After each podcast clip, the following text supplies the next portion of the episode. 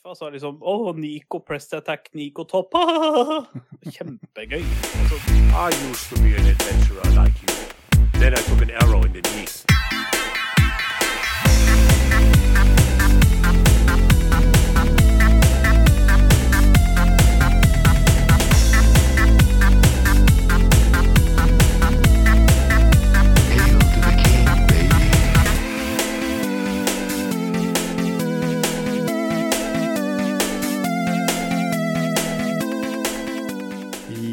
Hallo alle sammen, og velkommen til Spill og chill, episode nummer ti. Jeg er som vanlig Bob Rob, og på andre sida av PC-skjermen min så er Gunley! ja. Og dette er eh, øl nummer to i løpet av Ja. Veldig bra, veldig bra. Hvordan står det til, Gunley? Nei, vet du hva? Nå er det meget, meget, meget bra. Nå er vi jo en tiendels vei til en century. Mhm. Og vi begynte 9. desember, og se hvor langt vi har kommet nå i august. Episode 10. Ja. Det er ikke bare å kimse av det.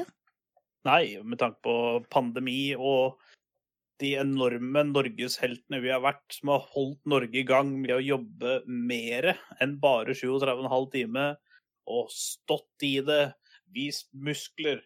Og så har jaggu Norge kommet videre. Ja, muskler og muskler. Vi har iallfall vist noe.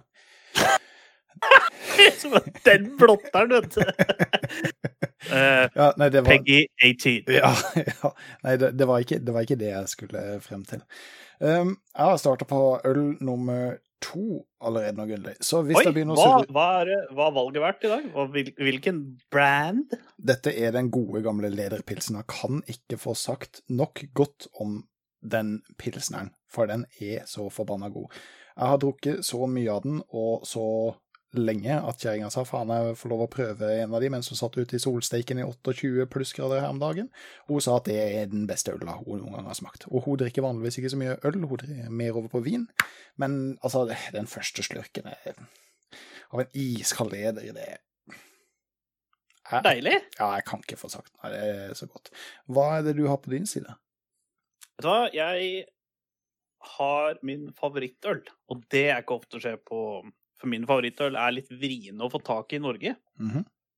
Og hvis du får tak i den i Norge, så koster den nok. Mhm. Eh, og det er Duell fra Belgia. OK. Og nå så er vi ikke på 4,8% Nå er vi på 8 Oi. Da er, det bra, er da er det bra at du ikke har tatt to allerede. Nei, det er den tredje. Men, eh, men, eh, men jeg har ikke tatt, har ikke tatt eh, tre av den, da. Den sparte jeg til streamen. OK, ja, ja. ja. Så det Eh, fordi at den, det er det- bare pre-øl? Ja, jeg fikk tre stykker i, eh, i bursdagsgave, og den, nå jekka jeg den siste. Fordi at den lovte meg selv at den skulle spare til episode ti av Spill og chill. Åh, ja, det, det er fantastisk at du har pre-øl, og så har du hovedølen. Liksom forrett og hovedrett. Og du skulle bare visst hva vi jekker når, eh, når, vi, når vi har lagt bort mikrofonene. Ja, ja, nei, det er helt riktig. Um, jeg hører av og til på en annen podcast som heter for DLD, DLG Gaming. Mhm. Um, og de er litt som oss, det er en veldig folkelig, eh, veldig avrunda type podcast, men de har en tendens sånn utover i episoden å bare drikke mer og mer og mer og mer. Altså til Altså, det høres i utgangspunktet morsomt ut, men de starter på øla, og så tar de frem eh, tequilaen, og så tar de frem vodkaen, og så Altså, eh, det høres ut som en vanvittig god idé, og de har det sikkert grisemorsomt, men etter hvert som de episodene drar ut i to timer, da blir det faen meg bare mye surr, altså. Så, Ja, men altså, det har jo vært på, på Twitteren min, så har jeg faktisk fått en DM. Uh, hvis du gir meg et halvt sekund, skal jeg bare lese den. ja, ja. Der er det faktisk forslag om at vi skal uh, At vi skal uh, Drikke mer. streame stre Ja, kanskje ikke akkurat det, men uh, At vi skal streame live eh, et eller annet sted. Altså om- vi streamer en episode live på YouTube eller Twitch eller hva vi gjør for noe. Eh, og så at vi da sitter og tar noen øl mens vi prater, sånn som skulle på en måte ha vært uh, regler, om vi gjør det liksom cam to cam, eller om vi faktisk tar en lørdag eller et eller annet sånt, da, Mm. og streamer live fra samme rigg, eller liksom sånne ting, da. Og det hadde jo vært kult. Ja, det, er jo det må vi absolutt få til. en eller annen gang. Det hadde vært eh, kult. Og hvis det blir en suksess, så kan vi kjøre drunk streaming eh, lenger ned i veien. En eller annen gang. ja. Men eh, vi har jo Det har jo vært Nå er det faktisk litt kortere en pause enn det vi har hatt de andre gangene. Det har vært mye å gjøre. Vi har hatt ferie eh, i helt forskjellige uker. Mm. Eh, så det har vært liksom Og begge vi to har faktisk jobba mer i ferien enn vi jobber ellers utenom ferien, av forskjellige grunner. Oh, ja. Eh, noen har signert en ny eh, avtale, så, men det er jo ikke det det skal handle om, selvfølgelig. Eh, ikke at jeg får et ny pilsett og sånn. Ja, jeg skulle til å si hvem er det som har signert en ny avtale? Jeg kan ikke huske å ha skrevet under på noe. Så eh, litt, litt ny dollaravtale. Men det er, jo- det er jo ikke det det skal handle om. Eh, Det skal jo ikke handle om at vi har to NM-gull og flere internasjonale finaler. Det er ikke det det skal handle om. Nei, nei. Eh, Gunnli. men eh, det er kjekt at det blir nevnt. Ja. Eh, eh, men hva er høydepunktet siden sist, utenom at de har signert avtale med ny pilsett? Og...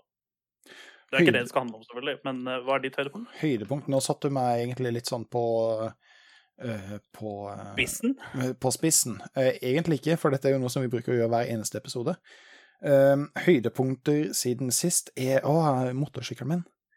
Eh, jeg har Å, gjennom, ja, gjennom sommeren og eh, sommerferien bygd om sykkelen min til en bobber.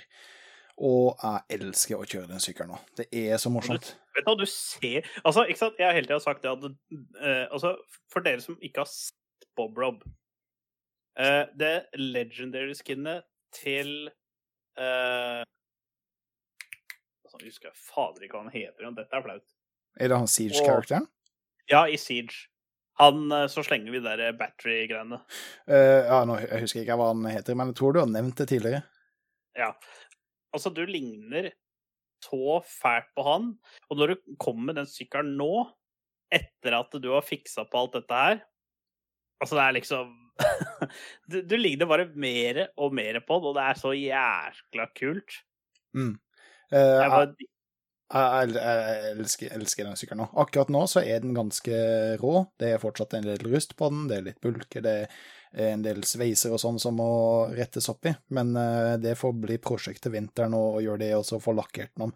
Akkurat nå så er den veldig, veldig rå, men uh, jeg, elsker den sykkelen. Jeg kjører omveier på turen hjem, fordi jeg bare digger å kjøre på den sykkelen. Så det er kanskje noen av høydepunktene mine siden sist. Hvis du leter etter gaming-høydepunkter, så har jeg begynt å spille League of Learner igjen. Og jeg kaller det League of Oh. Learner, for det er akkurat det jeg holder på med. Det er så lenge siden jeg har spilt League of Legends, så jeg måtte Bandit! Nei, Jeger! Jeger! Jeg, husker, jeg husker ikke om det er Jeger eller Bandit, men en av de to har uh, det skinnet som eh, som jeg leiter etter. Og det er det motorsykkelskinnet. Det, er- det er en av de to. Jeg er litt usikker på hvem av de som har det skinnet, men det er en av de to. Enten Jeger eller Bandit. Nå, er det Bob Rub på skinnet. Ja, nå er det Bob Bob Rub Pro Skin. Uh, mm. Den dagen jeg blir pro i Siege. Ja. Ja, men eh, jo, det var det jeg sa, uh, skulle si. Det er jo to år sia. Uh, når var det RNG vant MSI? Skal vi se 2017? vel- Eller 2018? 2017 eller 2018?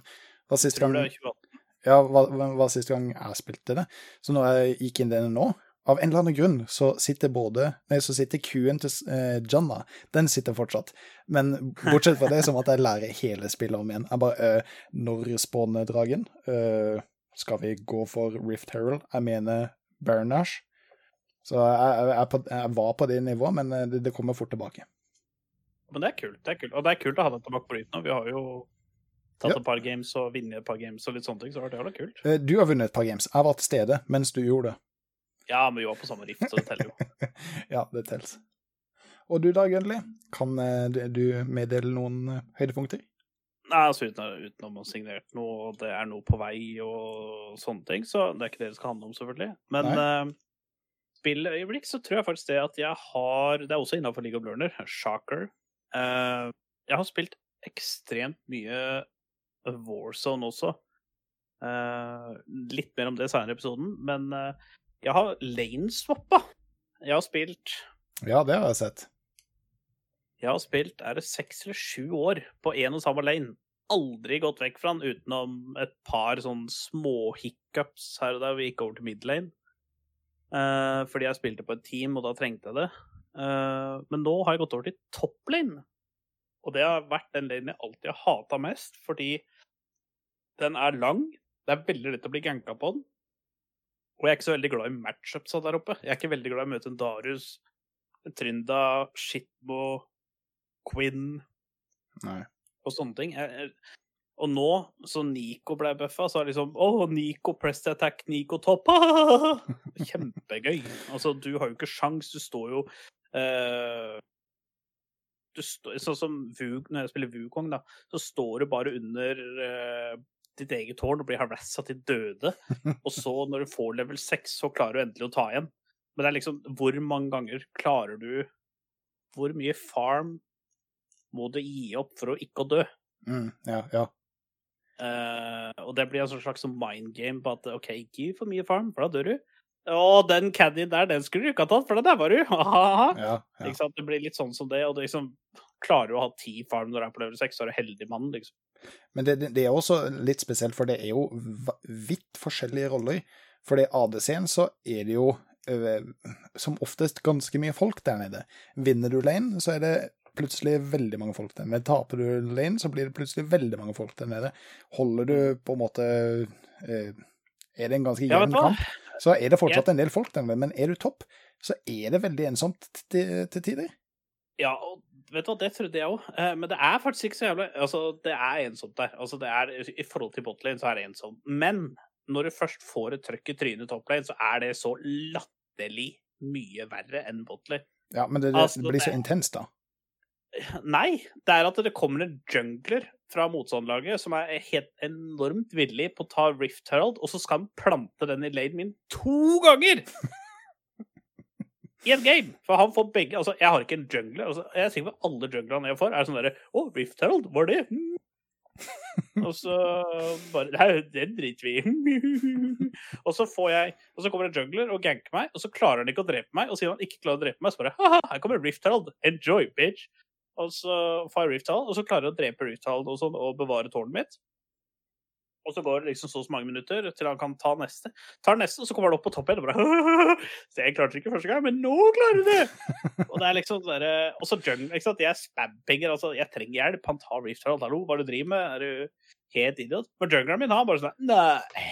Ja, men vi får- Men det, det, det mener vi litt sånn eh, ensomt også, altså for med mindre du eh, får noen i botlane til å eh, gå med teleport, eh, så får du jo aldri noe hjelp av de. Og hvis eh, motstander-jungleren ser snittet sitt til å eh, ganke topp, eh, så er det jo som regel fordi midlaneren kanskje ikke har noe spesielt mulighet til å komme seg fort opp dit. Nei, og det, jeg, jeg har en følelse av det at det er veldig det er veldig digg å gå topp. Hvis du vinner lane, så er det veldig digg å gå topp. For det er veldig sjelden at jungleren kommer, motstanderen jungleren kommer topp for å hjelpe en losing lane. Mm. Uh, men uh, er, nå er det jo assassin-meta midlane, uh, så det er, og da er det ofte at de faktisk kan komme opp, uh, roame topp for å hjelpe til. Men igjen, det er to personer nede, større sannsynlighet for at de får kills.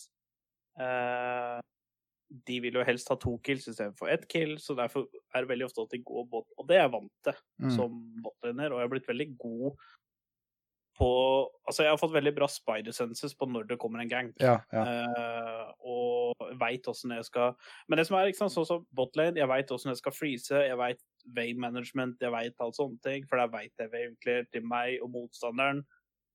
Men topplane så er jeg ikke så flink på det, altså. For jeg, har, jeg har spilt såpass lite da. Liksom, hvor raskt er uh, en Mundo clearer en wave? Hvor langt eh, hvor raskt er en Renekton clearer en wave?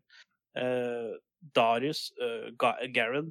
Så det er veldig vanskelig for meg enn Jeg veit jo åssen jeg skal gjøre det, men det er veldig vanskelig for meg ennå å pinpointe lane management, da. ja. For å ikke bli ganka. Og, og som du sier, den følelsen også. Du, e- e- Mm. etter at du har spilt sju år, eh, så utarbeider du på en måte en følelse over åssen de tinga kommer til å spille ut. Ja, det blir sånn naturlig instinkt, på en måte. Mm. Ja.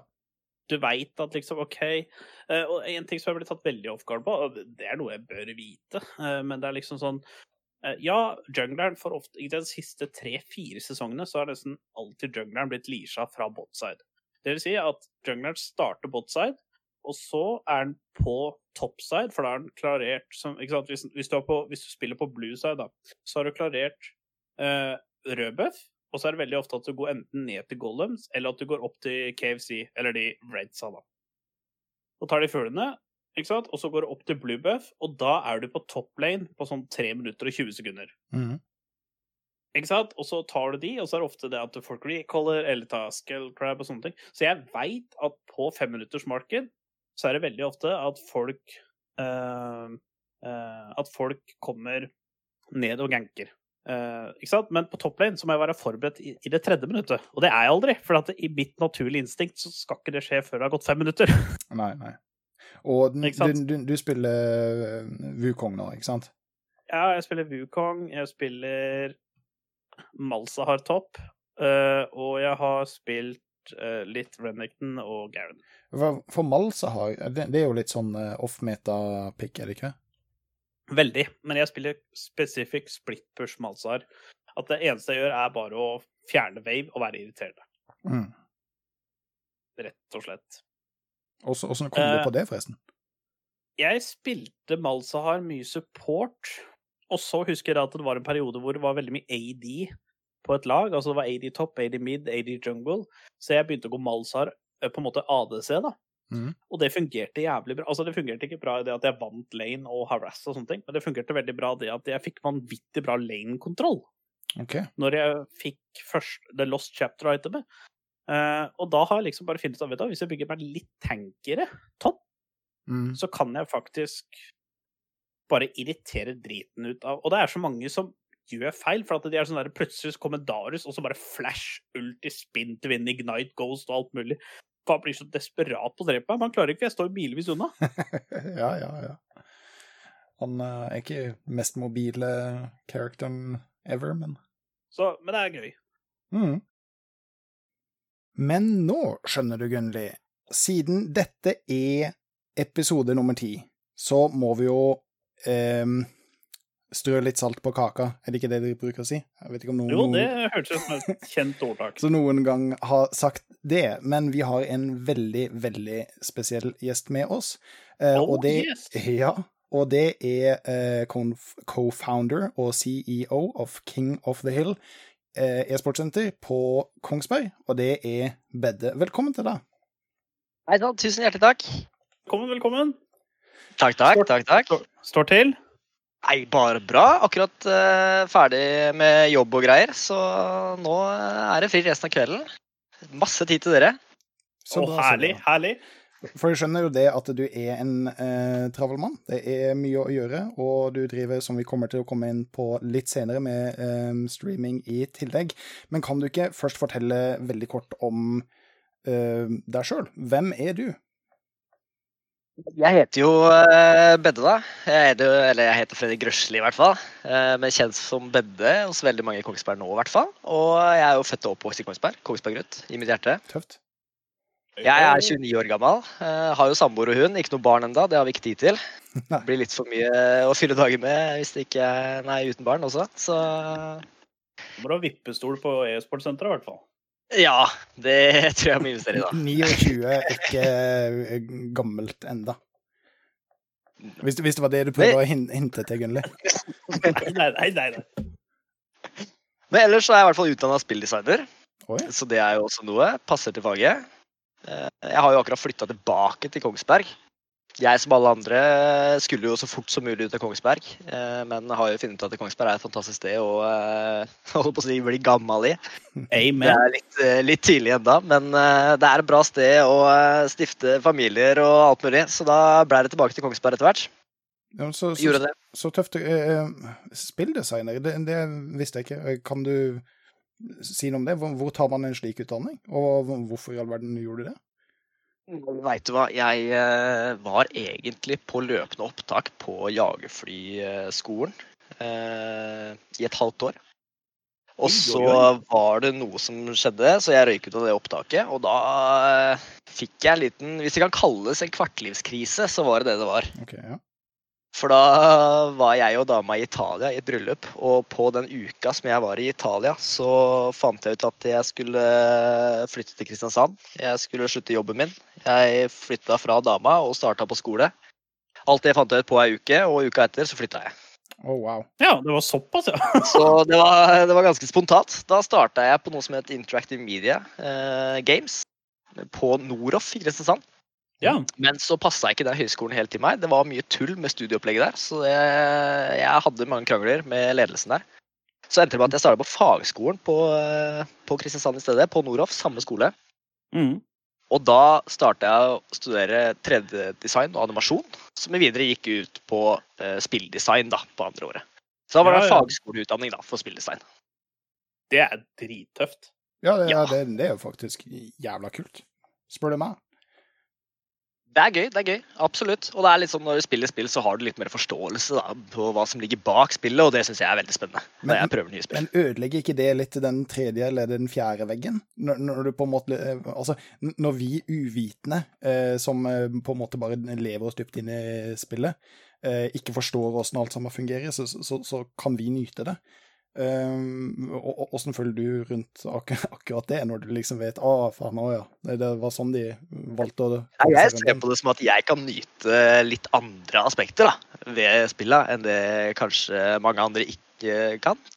Sånn som at jeg kan eh, se på et hår da, og bli veldig fascinert av et hår på en animasjon f.eks. Mhm. Og eh, noe som kanskje andre ville tatt for gitt. da. Ja, Så jeg er veldig sære ting på spill og animasjon.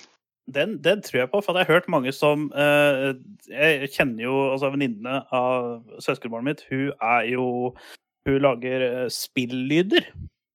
Og, og hun er jo sånn at når hun hører Når hun f.eks. spiller eh, et spill, da, og så hører hun en ball spretter, da er hun liksom sånn at eh, Åssen har de fått til den lyden der? Mm. Ja. Ikke sant? For at det er sånn, Da er det akkurat det ekkoet du skal ha, og sånne ting. Så den kan jeg se, at liksom bare et hårstrå for deg kan på en måte være litt sånn Vet du hva, det der er bra utført. Mens Mm. vi som liksom bare Det er et hår. Men det ser jævlig bra ut, da. High fidelity. Men faktisk det som eh, jeg biter mest merke i når det kommer til spill eh, nå i dag, er faktisk gameflow. Eh, Ja. Og det også er veldig, en ting som veldig mange tar for gitt. Uh, men gameflow er en utrolig viktig ting for meg nå, og hvis jeg skal spille et spill nå, så er det Det må være god gameflow. Hva, hva, Mm. hva tenker du når du sier gameflow? Altså, det må gå uh, Det må gå i en god flyt. Det kan ikke være Altså, jeg kan trekke PubG, for eksempel, da. Har ikke god gameflow. Nei. veldig, veldig hakkete, holdt jeg på å si. Sånn laggy når du skal plukke opp ting, og det er bare kronglete, da. For Ja, å sette ok. det eh, Er det feil game engine, nesten? Holdt jeg på å si. Eller det er sånn derre Ja, Hvis du altså, sammenligner, alt er bare Apex og PubG, så er det liksom Apex er flytende, og Ja. PubG det er liksom mobilspill-ish. Sånn Ja, Apex var egentlig det andre eksempelet jeg skulle ta opp. For at Apex er et av de spillene med best gameflow som jeg har spilt på gud veit hvor mange år. Det Mm. er helt fantastisk. Alt går så smooth, og det bare flyter så bra. da. Faen, der, der har vi det igjen. Altså, jeg tror vi har nevnt Apex i nesten hver Sorry. eneste episode, og jeg har aldri spilt det, for det er liksom bare Nei, dette er ikke noe for meg. Men altså, alt som jeg hører om det Det er noe for deg! Ja, men altså øh, OK, greit. Til neste episode skal jeg teste Apex. Det må du nesten nå. Ja, jeg jeg må jo det nå, men jeg har hørt det liksom siden det plutselig bare ble releasa. Alle som bare Du må bare prøve det, du må teste det. Så bare Jeg er ikke helt sikker. Jeg vet ikke. Men. OK, greit. Uh, Bedde solgte meg. Eh, Jeg har prøvd hver episode. Det, det hjelper ikke. Liksom, Så kom Bedde, og så bare Ja, skal jeg prøve neste episode. Vi får se, vi får se om det skjer. Absolutt. Eh, men nå har vi vært inne på et par eh, forskjellige typer spill og, og, og sjangre. Altså, Åssen type gamer vil, vil du si at du er? Eh, hva- hva er det som trigger deg? Hva er det som, uh, som, som kiler deg under armhula? Eh, akkurat eh, nå de siste årene så har det absolutt vært eh, multiplayer-spill. High pace multiplayer-spill. Det er liksom det jeg klarer å sette meg ned og spille nå. Jeg har så mange ting i hverdagen som gjør det at jeg ikke Jeg klarer ikke å sette meg ned med et singleplayerspill. Jeg klarer ikke å sette meg ned med Skyrim, jeg klarer ikke å sette meg med Fallout fordi at jeg blir så rastløs av det. Mm. Eh, men når det er så mange ting som skjer, sånn som i eh, Apex, Mhm. Mm. eller, eller i eh, PubG eller Fortnite eller COD eller hva enn det skulle være, da, Mm. så er det så mange ting som skjer. Det er så high-pace at jeg klarer å sone ut. Og det er det jeg liker med gaming også, at jeg klarer å sone ut. Ja, for da kobler du helt av og er i din Ja. egen lille boble. Det er liksom Ja. det hverdagsstresset. Nei, Jeg jeg har ingen andre tanker enn hva som skjer på spillet der og da. Det, det, det er FPS vi snakker om. FPS, det er eh, stort sett det det går i, ja. Mm. Men eh, det var litt nå. Åssen eh, Hva er det som på en måte sparka din gaminginteresse? Hvor, hvor starta det? Var det en ung alder, var det en sen alder, og hva var det som på en måte fikk bedet til at Vet du hva, gaming, det er kult. Jeg har jo gama hele livet. Jeg har det. Jeg starta jo på Amiga og Commandore 64. Åh, sweet! Jeg gjorde jo det, så vi hadde jo det når jeg var, eh, når jeg var mindre. Eh, Jeg var riktignok ganske liten, jeg har jo ikke bikka 30 ennå, så jeg var riktignok ganske liten når jeg spilte det. Så kom jo Super Nintendo etter hvert, selvfølgelig. Og der eh, spilte jeg spill som het Hva var det det het? Ghouls and Ghosts, tror jeg det heter. Oh, ja, Og det er jo et forferdelig vanskelig spill. det er det. Så jeg spilte det utrolig mye. Runda det aldri da jeg var liten. Mm. Uh, så det Jeg blei liksom litt lei alle andre spill når jeg spilte det spillet. Så jeg blei så sinna da jeg var liten på det spillet. På Super Nintendo der blei det en kort uh, Kort affære, kan du si. Men jeg husker jo- Jeg husker jo, jeg var jo med uh, Jeg kjenner jo broren din. Uh, WOPT. Og jeg husker jo at dere hadde jo den første Xboxen hjemme hos dere. Ja da, det har vi hatt. Og Eh, der har du vel brukt noen timer? I hvert fall ifølge det jeg har hørt av broren din. Ja, Halo er jo brukt ufattelig mange timer på. Halo 1 og 2, der var det jo sånn at vi satt jo Jeg og broren min hadde jo annen-etasjen i huset eh, for mm. oss sjøl. Og der var det alltid at vi Jeg fikk over fire kompiser hos meg, og han fikk over fire kompiser til seg. Og satt vi med hver vår Xbox. Da satt jeg på, i stua, så vi hadde ikke lang nok nettkabel. Nei, kjøkkenet var det faktisk. Jeg hadde ikke lang nok nettkabel til at jeg kunne sitte på rommet, så vi måtte sitte på kjøkkenet. Mhm. Og da satt vi på kjøkkenet, jeg og fire kompiser. Og, nei, tre kompiser blir det. Vi var fire stykker sammen. Og så satt han på rommet sitt med seg og tre kompiser. Og så var det selvfølgelig Battle of the Bees. Og da gikk det hardt for seg. Da var det alltid, hver helg var det konkurrering i Halo 1 og 2. Åh, Så det var gøy. Eh, Jeg var der, jeg var der, husker når jeg var der, da var det, var det Oblivion som var det store. Ja, Oblivion også har det vært utrolig mange timer i, men det har det også vært i Morrowind. Ja, stemmer. Det, det er de to. Og så veit jeg ikke, hvis du har vært hos oss, så har du garantert også kanskje spilt Fancy Star online. Det stemmer nok ganske bra. Det også. Nå har jeg sett at Fancy Star Online 2 har kommet ut og blitt ganske populært på Steam. Oi, var det det? eh, det har det. Og det har jeg spilt eh, er garantert over 1000 timer i eh, i min barndom. Jeg visste ikke at det hadde kommet ut engang. Der ser du hvor mye jeg følger med. Ja, jeg skjønte jo ikke at det het online, for jeg skjønte jo ikke at det gikk an å spille online. Så fatta ikke hvorfor det het online. Nei. Jeg, må spørre om to spørsmål, siden vi sitter og snakker med en eh, gammel eh, i eh, gåsetegn gamer som også er spilldesigner. Del én. Var spill vanskeligere før? Du snakka om at du rage-quitta hard over, over gamle Super Nintendo. Ja. eh, jeg vil absolutt si at spill var vanskeligere før. Mm. Eh, rett og slett fordi at eh, det har blitt en sånn eh, trend å leie folk gjennom spill. Folk har lyst til at eh, de skal fatte interesse veldig tidlig, og derfor har de lyst til at de skal få en spillglede veldig veldig tidlig i spill nå. Ja. Men før så var det sånn, der var det litt mer nådeløst. At eh, der kasta de deg ut i det, og så måtte du finne ut av det sjøl. Du ser jo med Joras Mask. Til nå så tror jeg ikke jeg hadde klart å runde det 100 Nei. Nei. uten å se på YouTube eller sånt noe. Men Ja, var, sånn, der sier du noe. Ja. Der, det hadde jeg tenkt å kommentere òg. For at før så hadde vi jo ikke noe YouTube å sjekke nei, nei, nei. hvis vi sto fast i spill. Altså Da måtte du kjenne en kompis som eventuelt hadde gjort det. da. Jeg vet det. Det er det som er så fantastisk gøy. Og enda så klarte vi å runde spill, men det var jo fordi at vi var veldig tålmodige. Er det sånn, Sitter du for lenge med et spill nå, og så er det også det at du har veldig mye spillvalg, så det er mye, lettere å hoppe fra spill til spill, selvfølgelig. Men eh, det er sånn du gir opp mye kjappere nå da, enn det du gjorde når du var mindre. Siden da kosta det 700 kroner for et Nintendo 64-spill, og da Mm. måtte du spille det i huet og ræva til du kunne gå til neste. Så Ja, da da, da hadde du ikke noe mer før neste bursdag eller jul. Nei, nei, nei. Det var liksom, du måtte spille Fikk du Donkey Kong 64, da skulle du spille driten ut av det spillet. Ja, ja, ja. Jeg kunne ikke spille noe annet. Men en annen ting også var jo det at eh, vi kunne jo Altså, da snakker jeg veldig mye tilbake til, da, men jeg husker jo sånn som på Nes, så fikk jo jeg Die Hard av julenissen da jeg var tre år. Uh, julenissen, aka pappa. Eh, og jeg husker jo jeg spilte det, og jeg skjønte jo ikke driten av hva jeg gjorde, men jeg klarte jo fortsatt å rundre, da.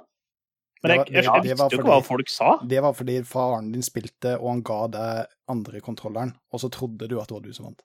Det var det, Han var jo, altså Fatter'n og jeg vi har jo hatt sånn juletradisjon helt siden altså Han måtte grine seg til at eh, jeg skulle få lov til å sitte og se Die Hard, for det er liksom quote og quote den beste julefilmen ever. Eh, og det er det faktisk. Uh, og ja, jeg har, jeg har mine timer med Die Hard med fatter'n på Nes, det har jeg. Ja. Koselig. Uh, jeg, jeg må, spørre et uh, spørsmål til når du snakker om, eh, om Halo der. Eh, savner du noen gang split screen? Og det minner det. Nei, ikke nå lenger. Nei. Nei. Altså, det, det, det, Eh, jeg, savner, jeg savner nærheten du hadde til andre mennesker når du gjorde det. Mm. At du Ja. ikke hadde headset på øra, du satt liksom bare ved siden av hverandre og snakka. Det er det jeg syns er noe med sjarmen med f.eks. Nintendoer nå til dags. Switch Ja. og sånne ting. At du kan sitte ved siden av hverandre og ha det fett sammen på én TV. Mm. Mm. Men nå er det jo noe av det som vi har jobba med, da. Så vi, nå sitter jeg jo ved siden av masse folk daglig og spiller. Så jeg har nærheten uansett. Det er jo kjempekult, og jeg skal avsløre hvor- hvor gammel jeg er. Eh, altså, eh, jeg, det var en tid når jeg spilte alt jeg spilte, var split screen. Uh, og uh, plutselig, så noen, plutselig så ser jeg på TV om ei kjerring som forteller at hun ble ghosta, og så sier jeg i all verden, åssen klarte han å se deg fra den andre skjermen? Altså, for før i tida så var ghosting når du kikka over på den andre delen av split screen for å se hvor Ja, ja, ja. ja. den var. Så jeg var ghosting, det hva snakker du om? Fantastisk. Så jeg tror jeg trenger en vippestol. Ja, ja. Ja, og, og bare, bare gled deg til du kommer til alderen vår, du, men da begynner ting å stritte imot. Ja, det er så ille. Det er så ille. Ja. Nei, men jeg tror fortsatt at det er en av de beste spillene som er, eh, er for meg, er Selda Zelda Ocarina of Time og Majora's Mask. Altså. Jeg tror faktisk det er fortsatt favorittene. Eh, Selv så mange spill jeg har spilt dette i etterkant. Du er jo i den rette generasjonen, da. Jeg vil si, jeg eh, Nå er jeg sikker for at jeg er gammel og, og sånne ting. Jeg vil si at vi er i den rette gaminggenerasjonen, for vi har opplevd liksom alt fra liksom Nes og det greiene der, til det vi har i dag. Og det er så stort sprik. Det er så stort sprang. Åssen skal man klare altså De klarer jo det helt sikkert, men hvordan, og du som er spilldesigner, kan jo sikkert svare på det, men åssen skal du klare å få like stort sprik på neste generasjon? Nei, det blir veldig vanskelig. At nå er det så virkelighetsnært at uh, eh, Altså, det vil ikke være i grafikk og sånne ting sånn som det har vært fram til nå. Nå vil det jo bare være i teknologi, egentlig. Uh, de har jo allerede begynt med det. Eh, de siste jeg vet ikke, fem åra har jo VR-teknologien booma skikkelig. Mm. Og det er, jo, det er jo et stort sprik, som vi har begynt med nå. Så det er jo, nå ligger det rett og slett i teknologien og ikke i grafikken, sånn som det har gjort de siste 20 åra. Mm. Stemmer, stemmer. Ja, jeg, jeg, jeg er helt enig. Eh, Det, det er nok der det er på, på vei. Um, Vi bruker å ha en sånn liten sånn eh, Litt sånn quick Q&A eh, på de som er på besøk hos oss. Eh, Så hvis ikke du har noe imot det, så kan vi fyre av et par spørsmål for å prøve å bli litt mer, bedre kjent med beddeperson. Ja, fyr løs. Gunnli, kicker du oss off? Da Ja. kicker da kicker jeg off. Hva tilter deg mest i spill? Oi. Jeg tror det er Toxic Kids. Ja, det er riktig. Eh, har du noen Godt. andre hobbyer utenom gaming? Ja, jeg er gammel turner, og jeg trener en del. Spiller frisbeegolf, jeg òg. Det er kult. Det er gøy. Det er faktisk rett ved der jeg bor, så er det sånn frisbee-golfbane. Ja, det er Eh, faktisk ganske mange i Kongsberg. Eh, hva, er, uh, hva er det beste spillet du har spilt noen gang? Altså i forhold til minner og, og det sånn. her er dårlig gjort, ass. Men jeg tror det, det som sitter dypest i meg, er Gears of War 2, tror jeg. Nice. Tøft. Ehm, ja, eh, liker du ananas på pizza? Nei. Nei. Vet du hva, jeg liker bedre mer og mer. ja. OK, hva er, eh, hva er din største eh, prestasjon i spill og utenom spill? Min største prestasjon i spill Ja, Som du har blitt stolt av, på en måte, da. ah, eh, Nok en gang innafor Gears of War. Mhm. Der lå jeg jo eh, på eh, Hva det det het igjen? Det var sånn ranking- og scream-system eh, online på den tida, som du måtte melde deg opp på PC og spilte du på Xbox. Mm. Men da lå jeg på topp 20 i Europa. Oh. Det var, eh, det var jo Det var jeg fornøyd med. Kan hende at det var griseflaks, men eh, det var jeg fornøyd med. Det er ikke flaks. Det er ikke tilfeldig hvis du havner på topp 20. Havner, klarer du å skli innafor topp 500 i én helg, ja, da er det kanskje litt marginer på din side, men det er topp 20, da er det ikke flaks lenger. Er Nei ja, nå er det veldig gøy. Nå er meg og laget mitt, da skal sies. Og ikke bare meg. Ja ja, men man, man er jo bare så sterk som Hva er det heter for noe? Den svakeste. Ja, ikke sant? Og hvis du er enten den svakeste eller beste, så er du fortsatt på lik linje. Altså, du er jo topp 20. True that, true that. Du var det noe utenfor også, sa du? Ja, utenfor også. eh, Sånn utenom Så ja, turning eh, Et eller annet. Jeg eh, Den der er vrien, altså. Ja. Det er derfor jeg er her, vet du. Detective questions. Jeg syns det var veldig artig når jeg fikk være med på verdens uh, turnstevne i eh, Helsinki. Det syns jeg var kult. gøy. I 2015. Det syns jeg var gøy. Du, du sier uh, være med, du var med laget, eller du deltok? Det, vi var med et lag. Eh, Det, er, det var showturen, rett og slett. Og det var eh, 4000 tilskuere. Ja. Så det var, det var artig. Ja, da Wow. begynner det å bli, da begynner det å bli ganske svært. Ja, Det var gøy. Uh, Favorittfilm? How to Train a Dragon. Oh. How to Train a Dragon? Ja. Wow, det var det off-meta-pick. Jeg tenkte jeg skulle si Shawshank Redemption, men jeg hadde ikke lyst til å regne med den har kommet før. Nei, jeg, skal ikke, jeg skal ikke si det. Altså, hvis du ser i forhold til hvor mange ganger jeg har sett en film, så må svaret mitt være Surfs Up. Jeg vet ikke hva det er med den filmen, men jeg bare, jeg bare digger den. Det er jo fantastisk morsom film. Det Altså, er det. det offisielle svaret mitt er, uh, er Star Stitch Wars. altfor mange ganger. Ja, ja, ja, men det, det, det er kjempebra. Uh, men du er jo også her for å snakke litt om uh, King of the Hill. Et vanvittig, jeg tør å si ambisiøst, og utrolig kult konsept som det å holde på med i Kongsberg. Og Eh, viktig. og viktig. Og viktig. Uh, absolutt. Uh, kan ikke du fortelle oss uh, hva er King of the Hill? King of the Hill, vi har jo egentlig lagt oss ut Vi har kasta litt flere baller opp i lufta på en gang her. Vi starta jo i april i fjor med et lite LAN, et testlan, for å se an eh, markedet for e-sport i Kongsberg. Det var det som var på Krona, var det det? Ja, det var på Ja, Krona. stemmer. Ja, stemmer. Eh, og da var det jo bare 64 deltakere, men eh, vi hadde oss, eh, vi hadde bestemt oss for å starte dette her tre uker før vi gjennomførte. Oi. Så eh, jeg flytta hjem fra Indonesia, så jeg jobba med startups i Indonesia i et halvt år. Og så flytta jeg hjem når jeg fikk eh, høre denne her ideen eh, fra Andreas, og så bestemte vi oss for å kjøre i gang. Wow. Ja, for Andreas, det er han andre co-founderen? Andreas er han andre co-founder. Ja. ja. Ja, Det, det, Storås Barsnes, det skal sies. Det slår meg at du liker ting på sparket. Altså Jeg liker å ta ting på sparket. Ja. Altså, Jeg elsker å ta ting på sparket. ja, Men der er du ikke lik broren din. Det er jeg absolutt ikke. Jeg og broren er veldig, veldig forskjellig. Det skal sies. Men i hvert fall så kom flytta jeg hjem, og da, det var tre uker før vi gjennomførte det greiene her. Og da tok det faktisk bare Jeg tror det var eh, fem dager jeg, før vi solgte ut Eller solgte ut, det var jo gratis arrangement, men før vi, alle billettene ble borte, i hvert fall. Mm. Og da Det var jo med stor suksess. Vi fikk jo se at det var faktisk et marked for dette her i Kongsberg. Og hovedideen vår var jo det å starte dette e-sportsenteret som vi har fått starta nå. Eh, Men før det så krevde det jo mye arbeid. Det krevde mye sponsorer, det krevde mye kontakter for å få virkeliggjort dette her. Så vi kjørte jo Vi starta jo å etablere selskapet i juli da, i fjor. Eh, og da starta vi å etablere både e-sportlag eh, Ja, for dere har. Fortnite-lag, er det ikke det? Jo, det har vi. Så vi har hatt noen spillere i Fortnite, og så har vi eh, PubG-lag og CS-lag. Oi. Kult.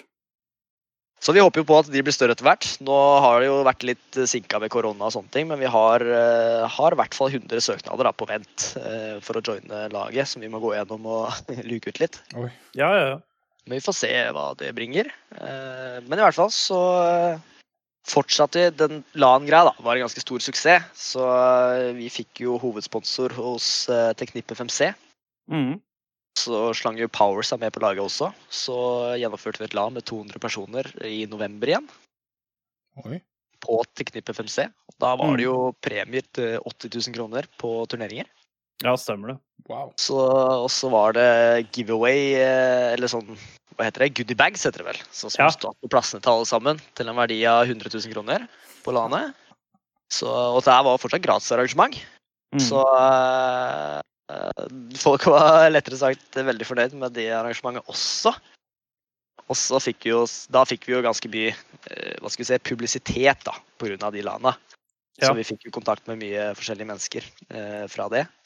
Men så hadde vi jo ikke fått eh, gjort noe mer enn det. Så vi var jo en del hos private investorer som vi hadde lyst til å starte opp e-sportsenteret mye større enn det vi har starta opp i dag. Mhm. Per nå så ser jeg at det er veldig smart at vi starta i så liten skala som det vi gjør.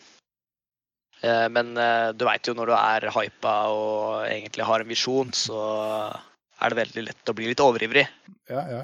Og eh, jeg er veldig glad for at ikke vi gikk den veien, men vi fant i hvert fall ut etter hvert, etter å ha snakka med nok investorer og sånne ting, så ble det en st altfor stor del av kaka som måtte bli gitt bort til en, til en investor. Mm. Så vi bestemte for å ta kostnaden fra egen lomme og egentlig bare starte opp så fort som mulig. Oi, det. Ja, det er Så ganske bra å se. Det er jo veldig bra sånn sett, da. For at det er, du ser jo bare på veletablerte, da. Eh, sånn som for eksempel Optic Gaming.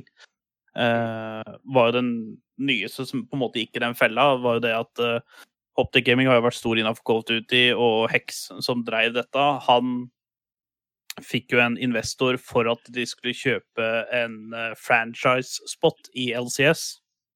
Ja. Og plutselig nå så gikk jo Plutselig nå så gikk jo eh, de som investerte de pengene, husker jeg ikke helt hva det firmaet het, men de sa det at eh, nei, nå ville de gjøre andre ting, for de hadde jo shareholders, så de kunne bruke penger på andre ting.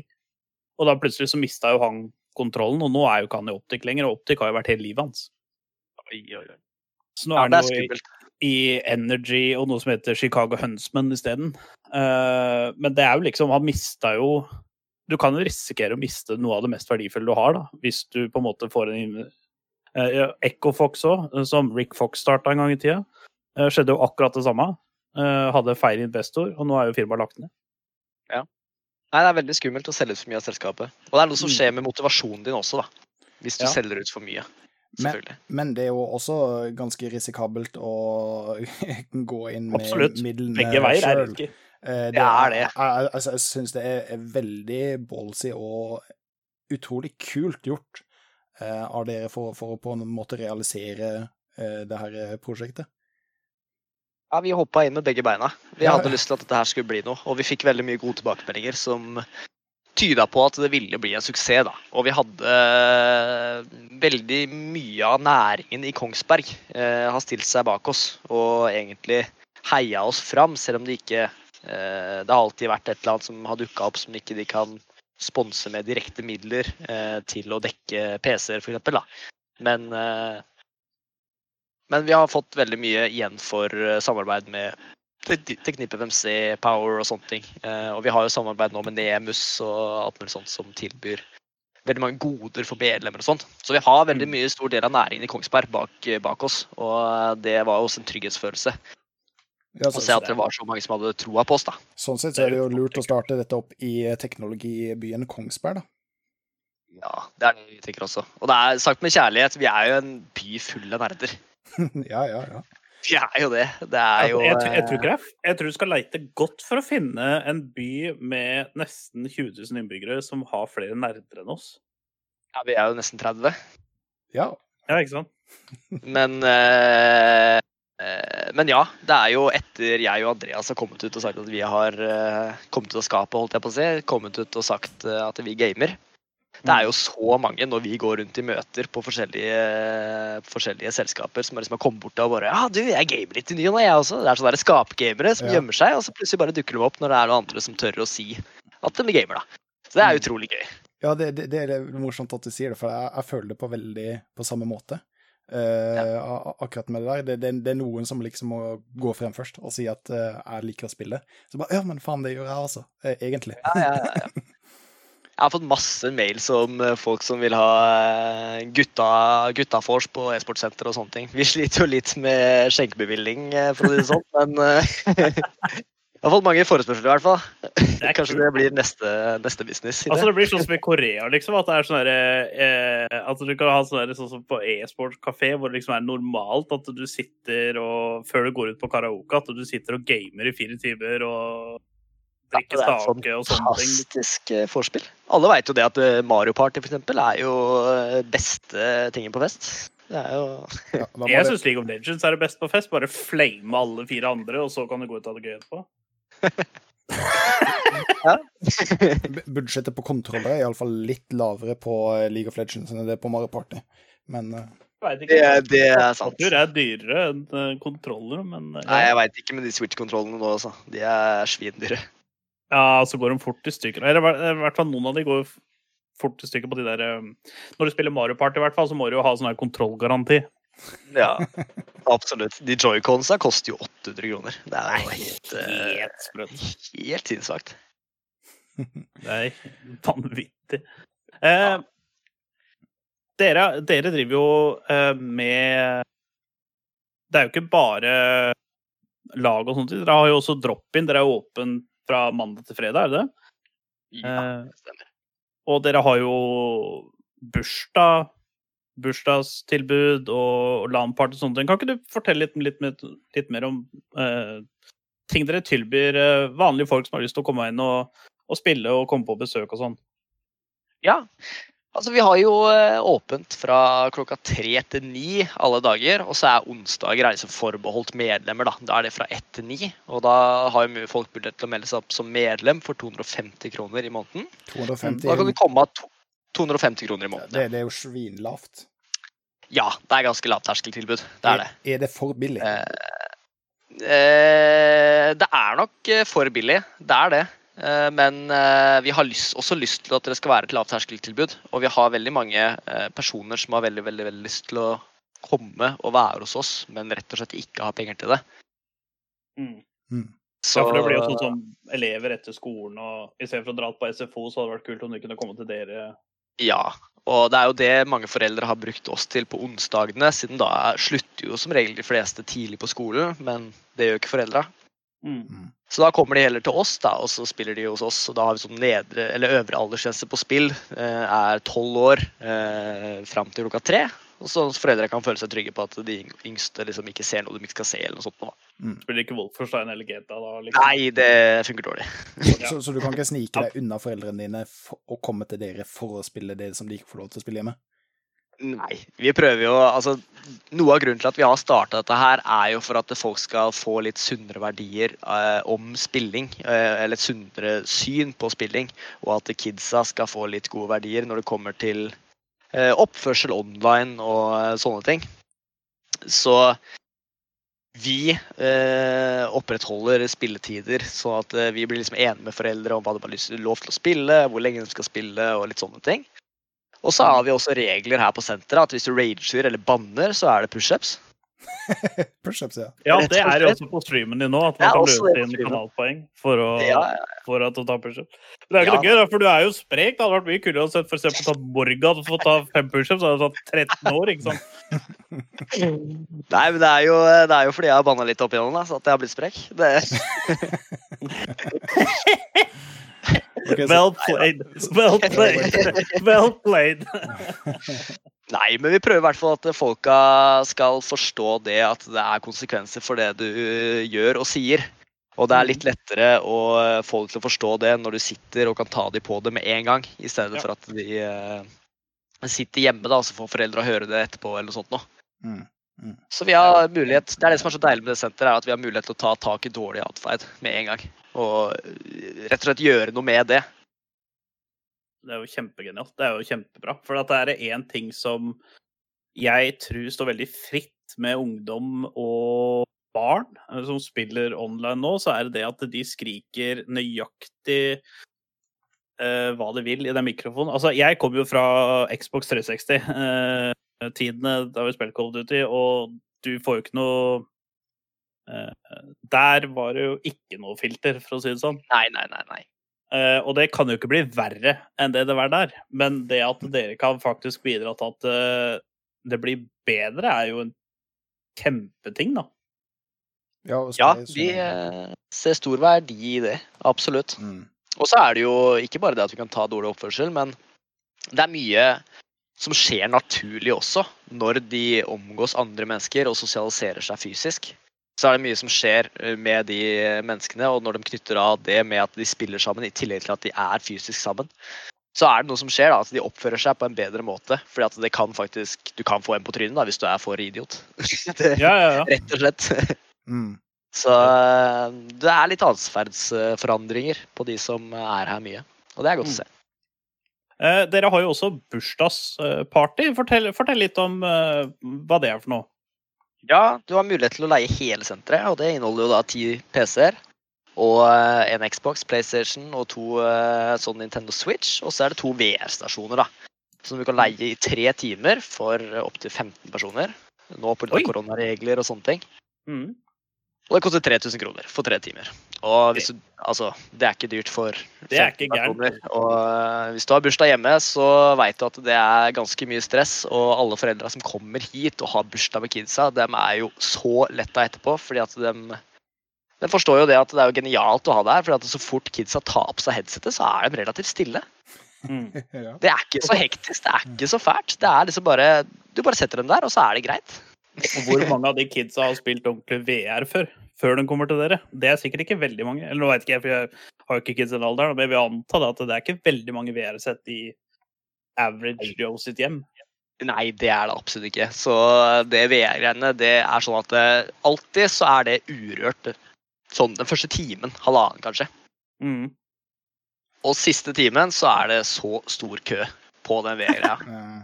Alle skal spille VR. Da har fått en liten smak av det, og da er det sånn, det vil ikke gå derfra i det hele tatt. Så da er det plutselig tre stykker som sitter på PC, og så er det ti stykker på VR-rommet. mm. Og sånn er det hver gang.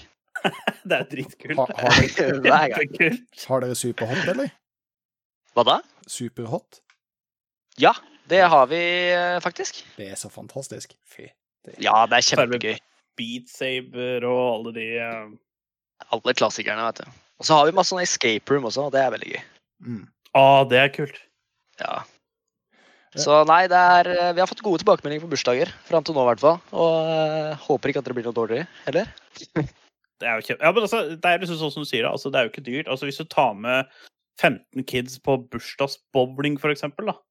Det er jo Altså, det er jo i mine øyne eh, Jeg som elska bursdagsbowling, for det var jo ikke så mye annet å gjøre da jeg var yngre.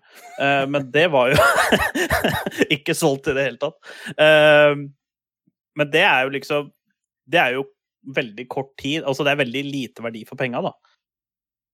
Jeg veit jo at det er sånn på trampolinepark og sånt også, så er det jo Jeg tror det var eh, 2500 for ti barn i en time.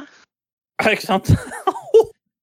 Så river det. begynner jo eh, Og da i tillegg, vet du, så leier du jo ikke hele trampolineparken. Da er det jo masse andre kids der og sånne ting. Så eh, her så får du hele senteret aleine. Er Stenger jo av hele senteret. Så det er ganske, ganske grei pris og deal. Jeg, jeg vet Ja, hvor jeg skal ha bursdagen min. det må du. Gjelder det for oss som har bikka 30 og ganske mange måneder? Selvfølgelig. Vet du hva, vi, vi, skulle, vi, skulle, vi skulle ha hatt eh, Når du får skjenkebevillinga der, så må vi ha gamernes julebord der. Oi, oi, oi. Det har vært artig. Det har vært artig. Det har vært dritkult. Ja, det må vi få til. Når jeg scroller nedover uh, membership-sidene deres, så ser jeg noe som heter eSports Academy Member. Hva, hva, hva er det? Det er med litt mer omfattende medlemskap. Da er det sånn at du egentlig kan komme og spille eh, alle de timene som vi har medlemslager, i tillegg til litt ekstra. Mm. og eh, du har også mulighet til eh, personlig trener. Eh, jeg er jo jeg er jo det. Så jeg har bl.a. med spillerne våre så har jeg drevet og trent eh, noen av spillerne våre på treningssenter til to til tre ganger i uka. Og det får også de e-sport-medlemmene, eller e-sport Academy-medlemmene, får mulighet til det. Og de får mulighet til å få bli coacha da, på det spillet de har lyst til å bli coacha i. Dere har jo akkurat nå hatt uh, summercamp i tre uker, og det var jo fullstappa, kjempebra artikkel i VG. Det er ikke verst. Uh, men som sjef sjøl, og aftermaten etter dette, hvor, hva, hva føler du? Hva sitter du med igjen med? Hva har uh, Hvilken følelse sitter du med igjen etter uh, en stå, så stor suksess? For at jeg ser jo folk i byen. Det, det jeg syns er kult, er at jeg møter folk på min lokale ekstrabutikk, og der har folk Summercamp 2020 på seg. Ja, det er sykt fett. Det er sykt fett at det ble en så stor suksess. Uh, vi hadde jo egentlig planlagt dette her lenge. Uh, vi hadde ikke planlagt gjennomførelsen, men vi hadde planlagt å ha en sommercamp. Uh, vi hadde jo lyst til å ha det mye større enn det vi hadde nå. Mm. men pga. korona så ble det jo satt litt restriksjoner. Så vi måtte tilpasse oss litt. Men til tross for at vi måtte tilpasse oss, så har jo dette her blitt en kjempesuksess. Det, vi har jo hatt kjempegøy. Vi har hatt grei fortjeneste på dette her. Og mm. vi har fått bare gode tilbakemeldinger. Eh, det har jo vært et slit uten like, da, det skal sies. Ja, du hadde vel litt lange dager i tre uker? Det var eh, 13-17 timers arbeidsdager eh, hver dag i de tre ukene. Men jeg fikk meg fire dager eh, sommerferie på slutten, så da er jeg fornøyd. Ja, det er helt konge. Men eh, det, jeg var ganske, ganske kjørt etter eh, de ukene der, det skal sies. Men vi lærte veldig mye mellom alle, alle ukene. Vi hadde jo tre uker etter hverandre. Første Ja, for uka dere, dere starta jo med én uke, og den ble jo solgt ut med én gang. Altså, det Ja. rakk jo bare å Altså, jeg husker at jeg så at dere la ut at eh, hei, vi har plass for svømmecamp i denne, denne uka, og så gikk det liksom eh, veldig kort tid, og så bare Nei, vet du hva, vi setter opp en uke til, før det er utsolgt.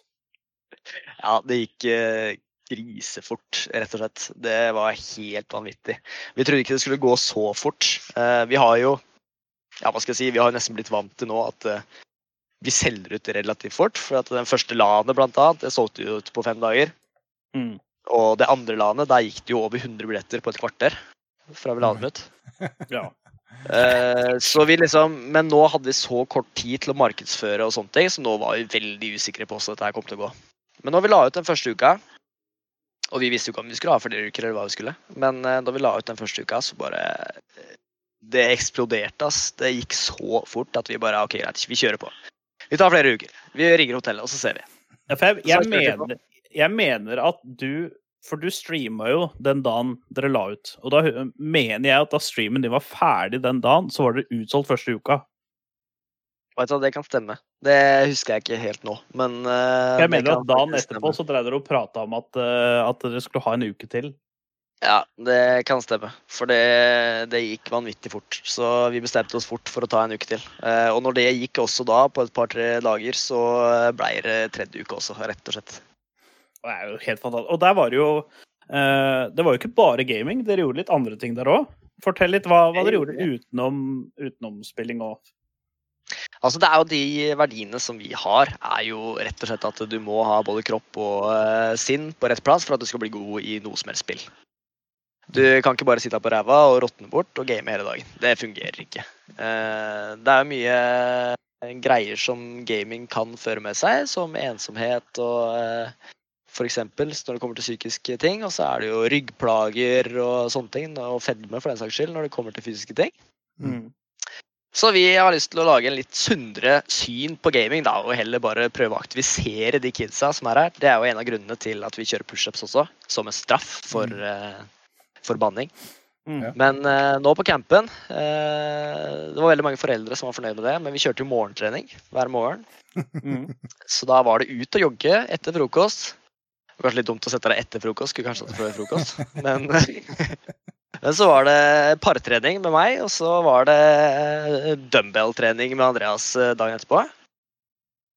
Og så eh, hadde vi både kanopadling, vi hadde skogtur og ja, vi hadde litt forskjellige sånne aktiviteter da, som vi dreiv på med i løpet av dagen. Så det blei jo, selv om det var en gamingcamp, eh, så var det jo kanskje en sju timer gaming hver dag.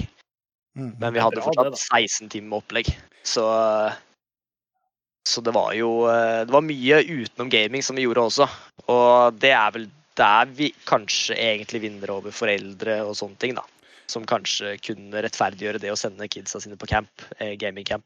Fordi at Ja, at de ikke sitter i et mørkt rom foran en skjerm 24-7 i en uke, liksom. Det Ja. kanskje ikke det beste sell-outen til foreldre. Nei, det er ikke det. Og selv om eh, det var utrolig mange kids som hata på både trening og på eh, skogtur og alt mulig, så Ja, det. Jeg tror, jeg tror at det kanskje noe av de beste minnene de sitter igjen med, er faktisk det. Det er det de kommer til å huske, rett og slett. Ja, jeg tenkte jeg skulle spørre om det. Jeg skjønner at det var populært med foreldre, men eh, medlemmene, liksom, når du jager de ut rett etter frokost for å løpe, liksom eh, Satt det bra, liksom? Nei, altså De morsomme tingene, sånn som kanopadling, det ble jo tatt godt imot. Men skogtur, det var litt verre. Mm. Eh, det var ikke så populært. Men så var det sånn, leika vi litt Boksengården når vi hadde kommet opp i skogen og gjorde litt sånn morsomme greier. Så de liksom ja, fikk eh, hatt det litt gøy sammen. Folk som ikke kjenner hverandre i det hele tatt.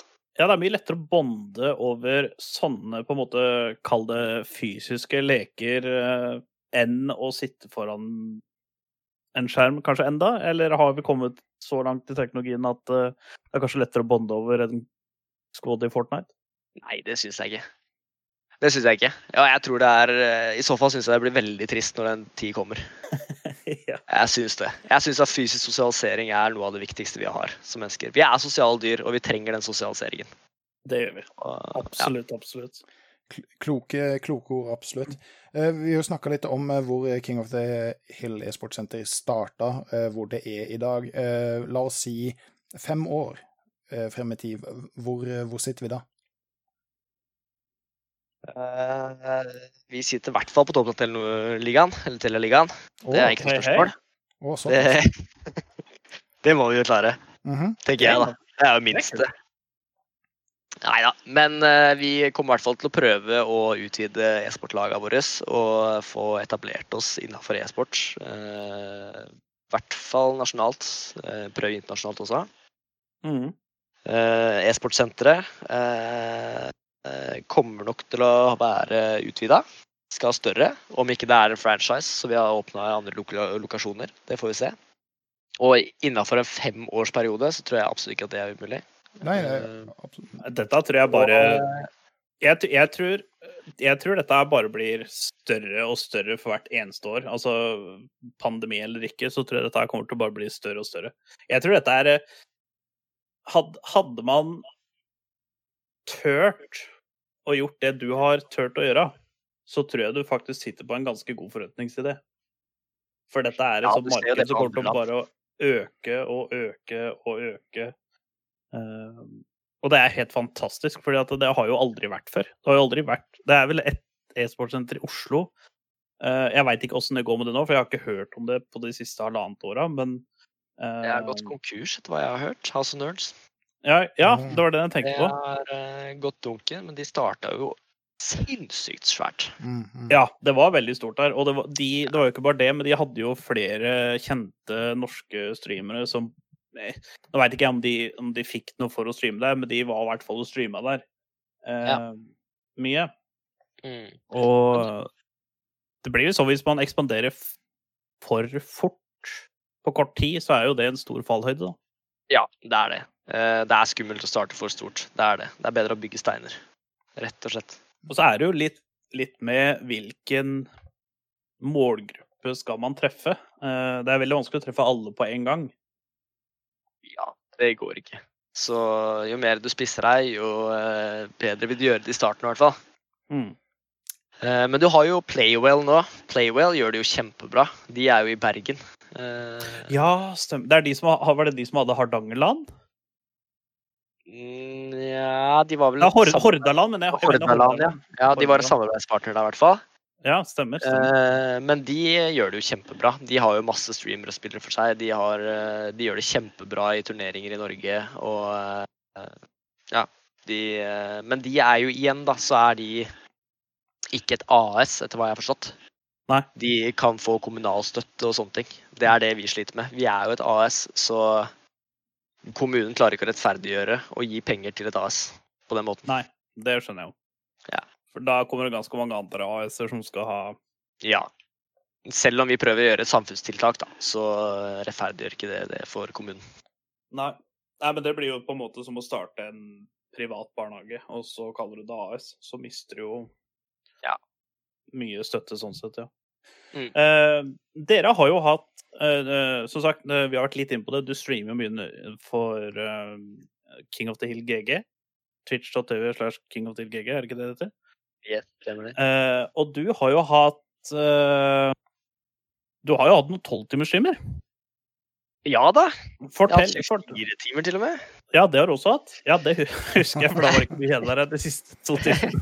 Det var ikke mye igjen, men jeg kjørte en backflip da på siste minuttet der. Å, Stemmer det? ble jo, Jeg har jo sånn kanalpoeng som Det- eh, de kan redeeme backflip. Og da var det, eh, da var det noen som redeema en backflip etter 24 timers stream. Det var jeg storfornøyd med. Da angrer du hardt, tenker jeg. Det ble, det ble en eh, lav backflip, for å si det sånn. Men for, fortell litt om For at du Det er jo ikke bare det at uh, Du har jo ikke gjort det sjelden. Altså, det har jo vært litt jevne mellomrom hvor du har hatt en uh, god økt. Ja, det har vært litt ved, ved litt sånn uh, betydelige Hva skal jeg si perioder, da. Sånn at jeg gjorde det en gang på énmånedersmerket, og så tok jeg en 24 timers stream på tomånedersmerket. Og så har jeg gjort litt sånn, da. Så eh, jeg har jo egentlig Jeg har jo fått veldig mye ut av streamen. Jeg har jo fått masse støtte fra communityet, og jeg har blitt kjent med mange andre. Men det var jo det som var grunnen til at vi starta streamen, var jo for å holde kontakten med de menneskene som vi ikke kunne snakke med eh, når koronaen inntraff. Mm. Eh, men siden vi hadde fått så mye støtte, da, så tenkte vi at det er jo greit å gi noe tilbake også. Så derfor kjørte jeg jo, har jeg kjørt noen giveaway-streams eh, som er 12 timers streams, så da kjører vi jo Marble stream og sånne ting. Så de streamsa har jeg gitt bort ja, mellom 2000 og 3000 kroner hver gang. Ja, det har jo vært en del, for det har jo vært sånn 500 kroner per konkurranse, og det har jo vært ganske mange konkurranser i løpet av én stream. Ja da, så jeg har gitt bort noen, uh, har gitt bort noen kroner på de streamsa. Har det. Men uh, det er jo bare koselig å kunne gi litt tilbake. Har du noe game, eh, gaming? uh, har du noe streaming-bakgrunn? Streaming-bakgrunn? Ja, har, har du, drevet noe med det før eh, King of the Hill? Nei, jeg har ikke det. Og jeg hadde aldri trodd at det er noen som hadde lyst til å sitte og se på trynet mitt på stream, rett og slett. Men det tok eh, fra vi måtte stenge e-sportsenteret 13. mars, eh, så tok det fire dager med at jeg satt på ræva hjemme. Og jeg holdt på å gå på veggen. Og Mm. da til slutt så bare ringte jeg Andreas og bare Du, nå gidder jeg ikke mer. Nå starter jeg å streame. Mm. Så da bare kasta jeg meg ut i det. Hadde ikke noe peiling på stream i det hele tatt. Jeg er fortsatt den største idioten når det kommer til stream. Jeg kan jo fortsatt ingenting. Jeg tror jeg glemmer det. Eh, jeg får mye hjelp, jeg får mye hjelp. Eh, men eh, så bare kasta jeg meg ut av det. Starta å streame. Gjorde det kjempebra første dagen. Hadde jo over ti seere i snitt første dag gangen jeg streama. Så det var super, superkult at eh, folk eh, begynte å komme inn. Og så tok det ikke lang tid før jeg fikk over 20 seere i snitt. Og ja. Så har det egentlig bare gått oppover. Ja, det, det er jo en liten eksplosjon. For å bygge opp en eh, community bare i løpet av et par uker er jo imponerende i seg sjøl. Ja, kjempegøy. Kjempegøy. Og det at vi klarte å nå Nå har vi nådd 1500 følgere på fire måneder. Så det er, Ja, det er det er, veldig, det er veldig gøy. Det er en prestasjon i seg sjøl. Det er kjempekult. Det er gøy. Mm. Eh, Vi har jo snakka en del om eh, King of the Hill nå. Eh, Det er i Kongsberg.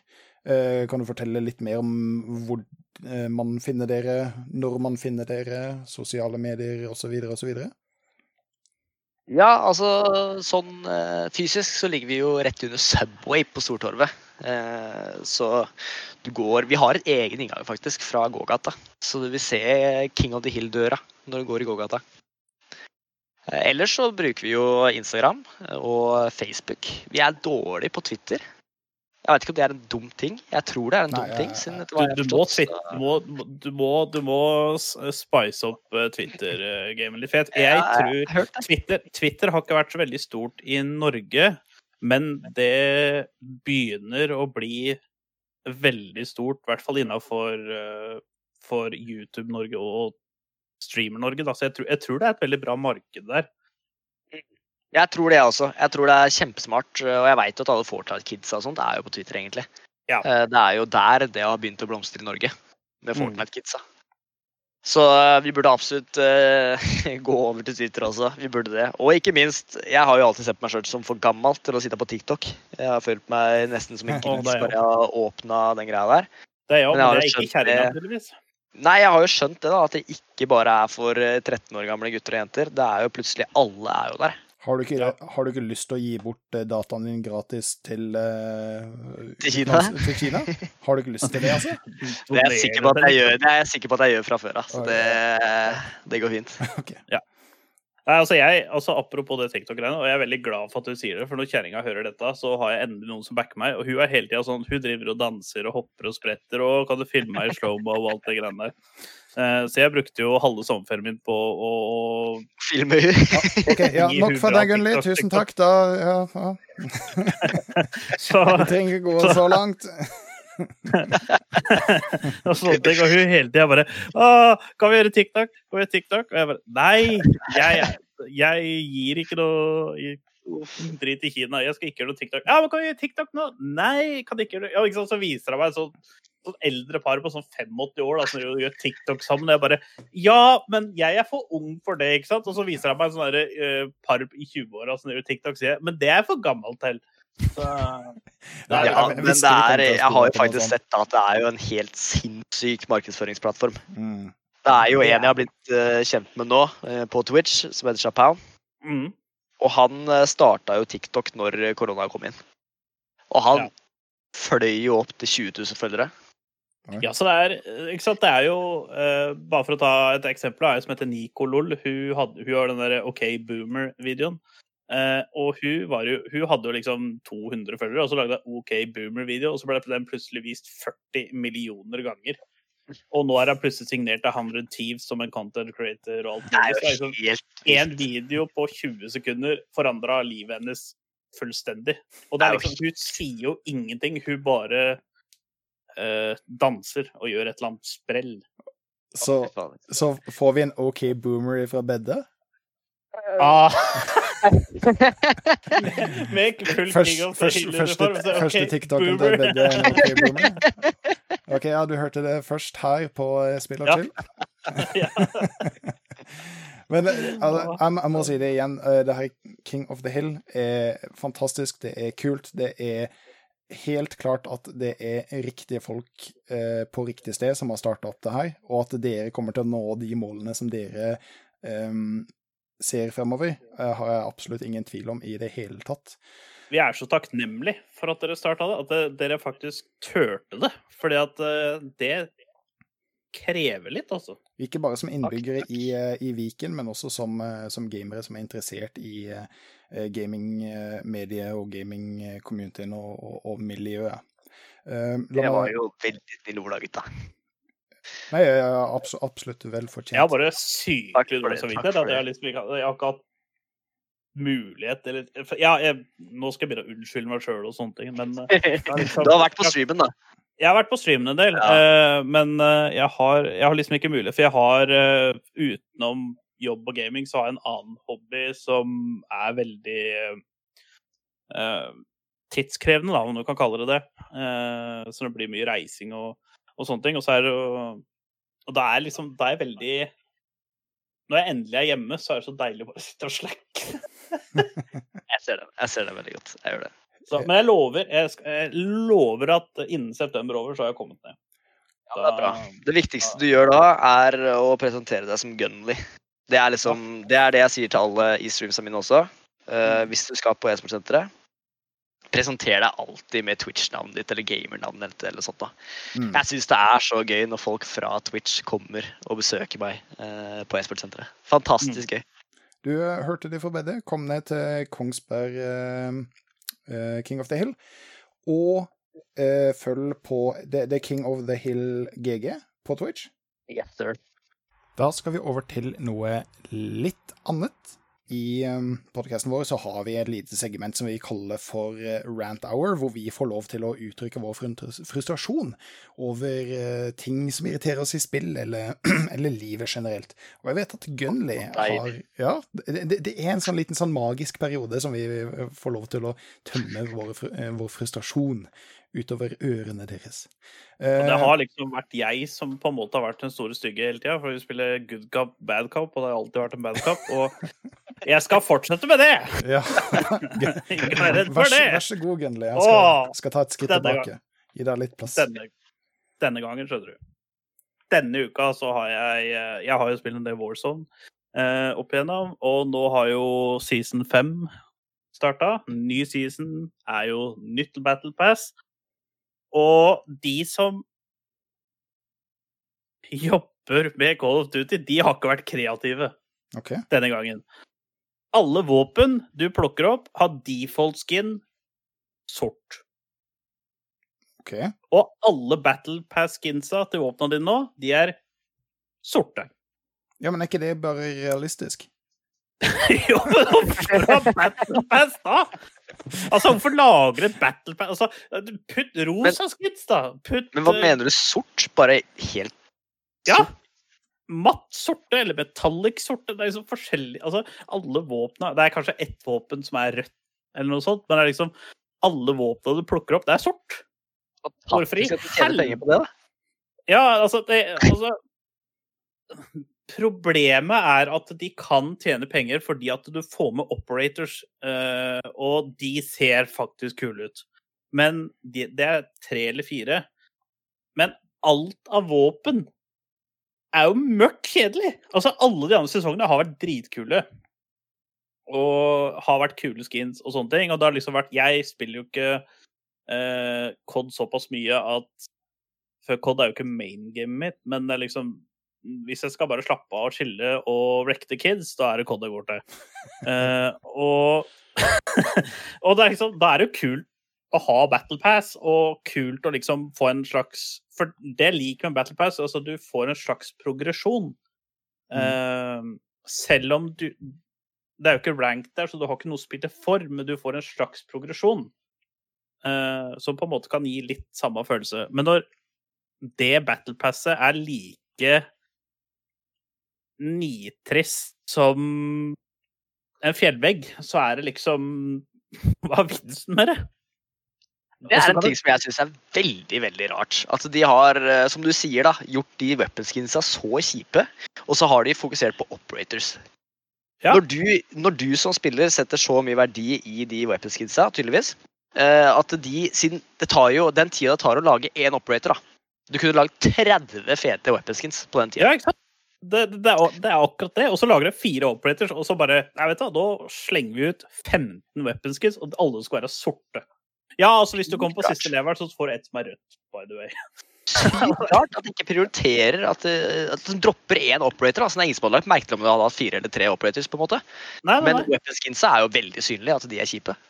Og det er season five, by the Ja. way. Billion dollar company, by the way.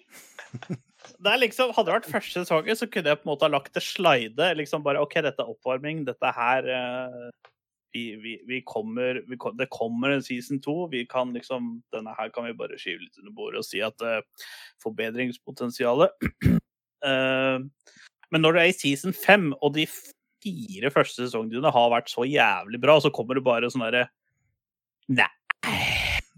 Hva skal vi ha for noe, da? Det, det er jo det du ser på 95 av tida også. Det, det, det, er jo liksom det, Ja, det er jo våpenet ditt. Ja, det er ja. våpenet du flasher rundt. ikke sant? Det er jo det, er det som blottes foran skjermen din hele tida. Ikke sant? Det er jo eh, Ikke sant? Og operatoren syns jo ikke engang! Du ser jo ikke din egen operator. Du ser den bare i lobbyen. Highlight reelsa kommer iallfall til å bli ganske monoton. Ja. Altså, jeg, jeg, jeg var litt eh, litt, Litt sånn der jeg, bare, jeg så Battle Passet, og så bare scrolla jeg meg bort for å se hva du kunne unlocke, og jeg bare Er dette worth? altså, Battle Passet det- Call of Duty skal ha det Battle Passet, det koster jo basically ingenting. Uh, har du Battle Pass én gang, og du spiller spillet ikke hver dag engang, men sånn fra tid til annen, så har du nok til å kjøpe neste Battle Pass neste sesong. Så det er veldig billig sånn sett, og du får jo coins eller sånn I Fortnite heter det V-bucks, da, men i Coft of Duty heter det Cod Points. Og de kan du da kjøpe Gratis. Ja, og de kan du da kjøpe neste sesongs pass for. da, Så har du kjøpt ett pass, så har du egentlig nok til å kjøpe så mange ganger du vil, da, så lenge du spiller litt fra tid til annen. Jo, jo, men de poengene blir jo alltid brukt opp før neste pass kommer. Ja, fordi at shoppen deres derimot, der skal de ha skryt. Den er veldig bra.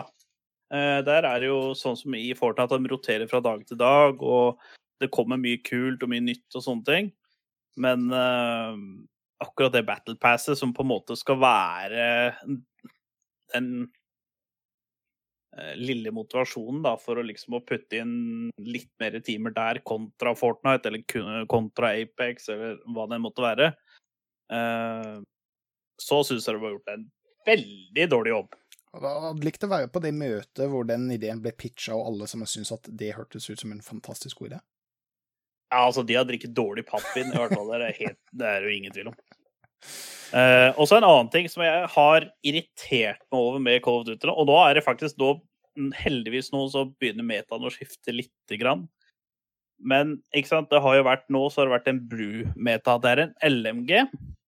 Eh, og den LMG-en er eneste uh, ikke sant, For at i Call of Duty så kan du kjøpe loadouts. Uh, og i loadouts så kan du levele opp våpnene dine, som gjør sånn at du kan få mer attachments og sånne ting. Du kan ha maks fem attachments på samtidig, da. Eh, men nå har det vært en Brew-meta, og for å få en Brew så må du gå inn i multiplayer. Eller du kan gjøre det for så vidt i Battle Royale-moden òg, men det er veldig vanskelig.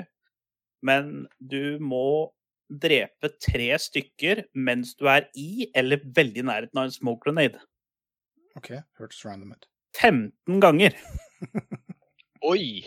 Det vil si at du må få, få 45 kills eh, fordelt på 15 kamper for å unlocke våpenet. Og da tenker jeg at hvis du er en eh, spiller sånn som oss, som har Eller sånn som meg, som har bikka 30 eh, pluss tosifra antall måneder eh, Som ikke har tid til å spille Cove Duty hver eneste dag. Åssen i helvete skal jeg ha muligheten til å gjøre det? Det, det, det høres ut som eh, Tarco-type grinding.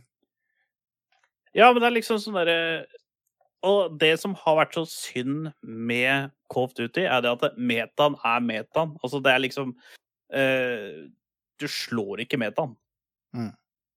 Men jeg er faktisk eh, litt uenig med deg der. Eh, fordi at jeg mener at det er grisekult at de har sånne ting som er sykt vanskelig å oppnå.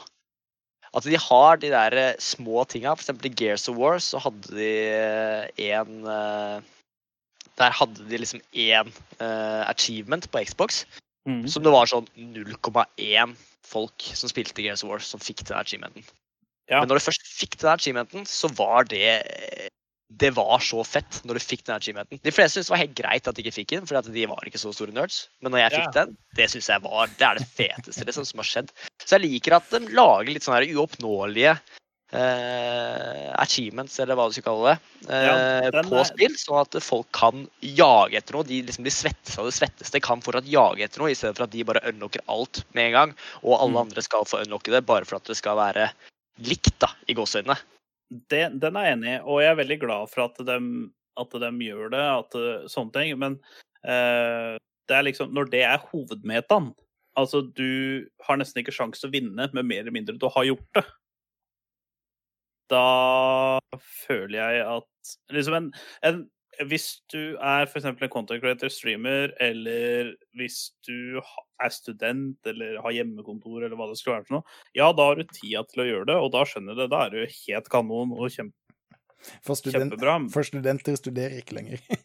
Nei, ikke sant? Men, eh, men eh, sånn som oss, da, som er av gårde på jobb elleve timer om dagen, eh, fra vi drar til vi kommer hjem, og har uh, samboere og, og frøkner og ting som skal bli gjort hjemme. Vi har jo ikke tida til å putte Det er jo ikke bare at du skal unlocke våpenet, men du må jo også levele opp våpenet så at du har kan få nok attachments. Og det er liksom uh, bare for å kunne være med i metaen, liksom. Det er liksom det som skal være det mest vanlige ever, da.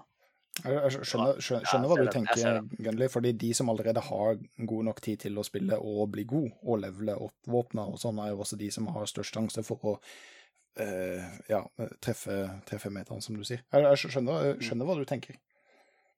Føles litt bedre, Gunley?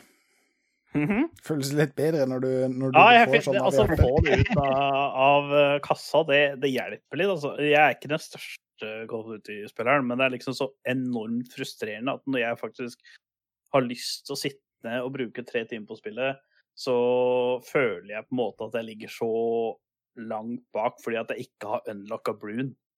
Mm, -hmm. Eh, altså, ja, du kan drepe en person som har kjøpt loadout, som har da skaffa Brune, og du kan bruke den. Eh, men hvis han f.eks. har et sikte du ikke fordrar, eller hvis han har feil grip i forhold til hva du liker, og sånne ting, så er det liksom Da er du like langt. Men nå skal heldigvis metaen skifte igjen, da. Nå skal det være, være AN94, eller hva det heter for noe som på en måte er på vei nå. Så nå det, akkurat nå så er det litt open in the air hva som er bra og ikke bra. Men eh, eh, nei, det hadde vært gøy å spille Warzone og følt at du på en måte sto på Altså ikke lik grunn som de andre i forhold til eh, skill-messig, men i hvert fall lik grunn i forhold til våpenmessig, da. Det hadde vært ålreit. Helt klart. Men har du uh, noe, eh, Bobby Rob, uh, noe som Noe som Jeg, veit det er noe som har plaga deg. Ja, jeg bruker som regel å ta på meg den litt uh, passive rollen. Jeg blir ikke så fort sinna og, og sånn. Men, men, men det er en ting som jeg går rundt omkring og, og tenker ofte på, uh, og det er spillserier. Eh, og oppfølgere og, sånn. Eh, og, og da har jeg lyst til heller å stille et spørsmål. Når er en spillserie egentlig død? Hvor mange Call of Duties må vi ha? Hvor mange Assassin's Creeds må vi ha? Eh, sitter vi om eh, ti år og gleder oss til eh, Mortal Kombat 25 kommer ut, eh, fordi det kommer nye characters. Må vi egentlig ha de herrene spillseriene som bare fortsetter og fortsetter og fortsetter? Eller når må vi si at nok er nok? Eh, legg den død, og finn på noe nytt. Kom nå med noen unike IP-er. Hvor mye skal du melke en serie, liksom? ja, hva, hva tenker dere om det? Altså, eh, det er stygt å si det, men altså, jeg begynner å bli drittlei Mario. Altså, når er Mario ferdig? Det er jo eh, 64 spill med Mario som hovedkarakter. Det må jo bli noe Nintendo er konk, da. Ja, det er ikke før, i hvert fall. Det, Nei, men altså, det er, jeg kan se den, fordi at apropos sånn som å melke en serie eh, Jeg er jo veldig hardbank-barka Assassin's Creed, og liksom Storyen der, det er liksom mind-blowing, og jeg eh, suger til meg alt som har med Assassin's Creed. Men sånn som De lagde jo Assassin's Creed Chronicles. Og det var Ja, den prøvde på en måte å lage en litt story, og sånt, men det følte jeg bare var rein melking av Assassin's Creed-logoen, hvis det gir mening. For det var liksom ikke et Assassin's Creed-spill. Men ja, det hadde logoen, og ja, det var et plattformspill. Det var liksom ikke det vanlige greiene. Men det følte jeg bare var et sånn spill bare for å Altså, Ubisoft kunne ha kalt det Hello Kitty Adventure hvis de hadde hatt lov til det. Ja, men, men de ville binde navnet sitt til det. Og, og jeg føler at, at de på en måte dreper seg selv med det. Eh, Fable er en serie som jeg er veldig, veldig, veldig glad i. Men eh, de drepte seg sjøl. Altså, eh, Fable 4, er det noen som vet at det engang eksisterer? Fordi Nei. ikke sant? Det, de, de gjør det. Men det ble bare en sånn cash grab-greie som, ja. som ødela veldig mange gode følelser med eh, Fable-serien. Hvis du drar det over til eh, serier, da. Altså, eh, hadde det vært like greit om eh, sesong syv av Lost aldri kom ut? Eh, er det noen som er fornøyd med Game of Thrones eh, ses, eh, sesong Hva ble det, åtte? Eller om Friends fortsatt hadde gått. Ja, Altså, når må vi si at nok er nok? eh, Megaman er ferdig, han er død. Vi, vi, vi finner på noe nytt. La oss putte alle disse hodene sammen og finne opp med en, en original idé som vi kan starte på nytt. Mm. Altså, jeg kan, jeg kan helt definitivt se den at man prøver å melke ut ting for det det er verdt, på en måte. At man bruker logoen sin for det det er? Det er jo litt sånn Det som jeg syns på en måte var problemet med Nå har jo Assassin's Creed roa seg litt ned, i hvert fall, men jeg husker jo det at da de spytta ut et nytt spill hvert eneste år, så følte faktisk ikke Så følte jeg faktisk at ikke jeg rakk å kose meg nok med det forrige spillet Mm. Uh, før neste spill kom ut. Og det, det Det er en ting jeg ikke liker. Det er sånn uh, når liksom det kommer Jeg kan skjønne sånn som Fifa, Fifa 20, Fifa 21, at Fifa kommer ut med nye spill fordi at det er nye sesonger, det er nye spilleoverganger, og det er det i det virkelige liv, og det er basert på liksom virkelige spillere og sånne ting. Har du hørt om Men content eh, patches? Har du hørt om DLC? Ja, det tenker Jo, jeg også når det kommer til Fifa. For det, jeg syns det er helt patetisk at eh, Fifa 19 og Fifa 20, som har akkurat samme game mechanic, skal Ja. utløses som et helt kliss nytt spill pga. andre spillere, liksom. Det, det er i. Det er enig. Det er melking av større grad, syns jeg, enn det Assassin's Creed er. Eh, Ja, det er det.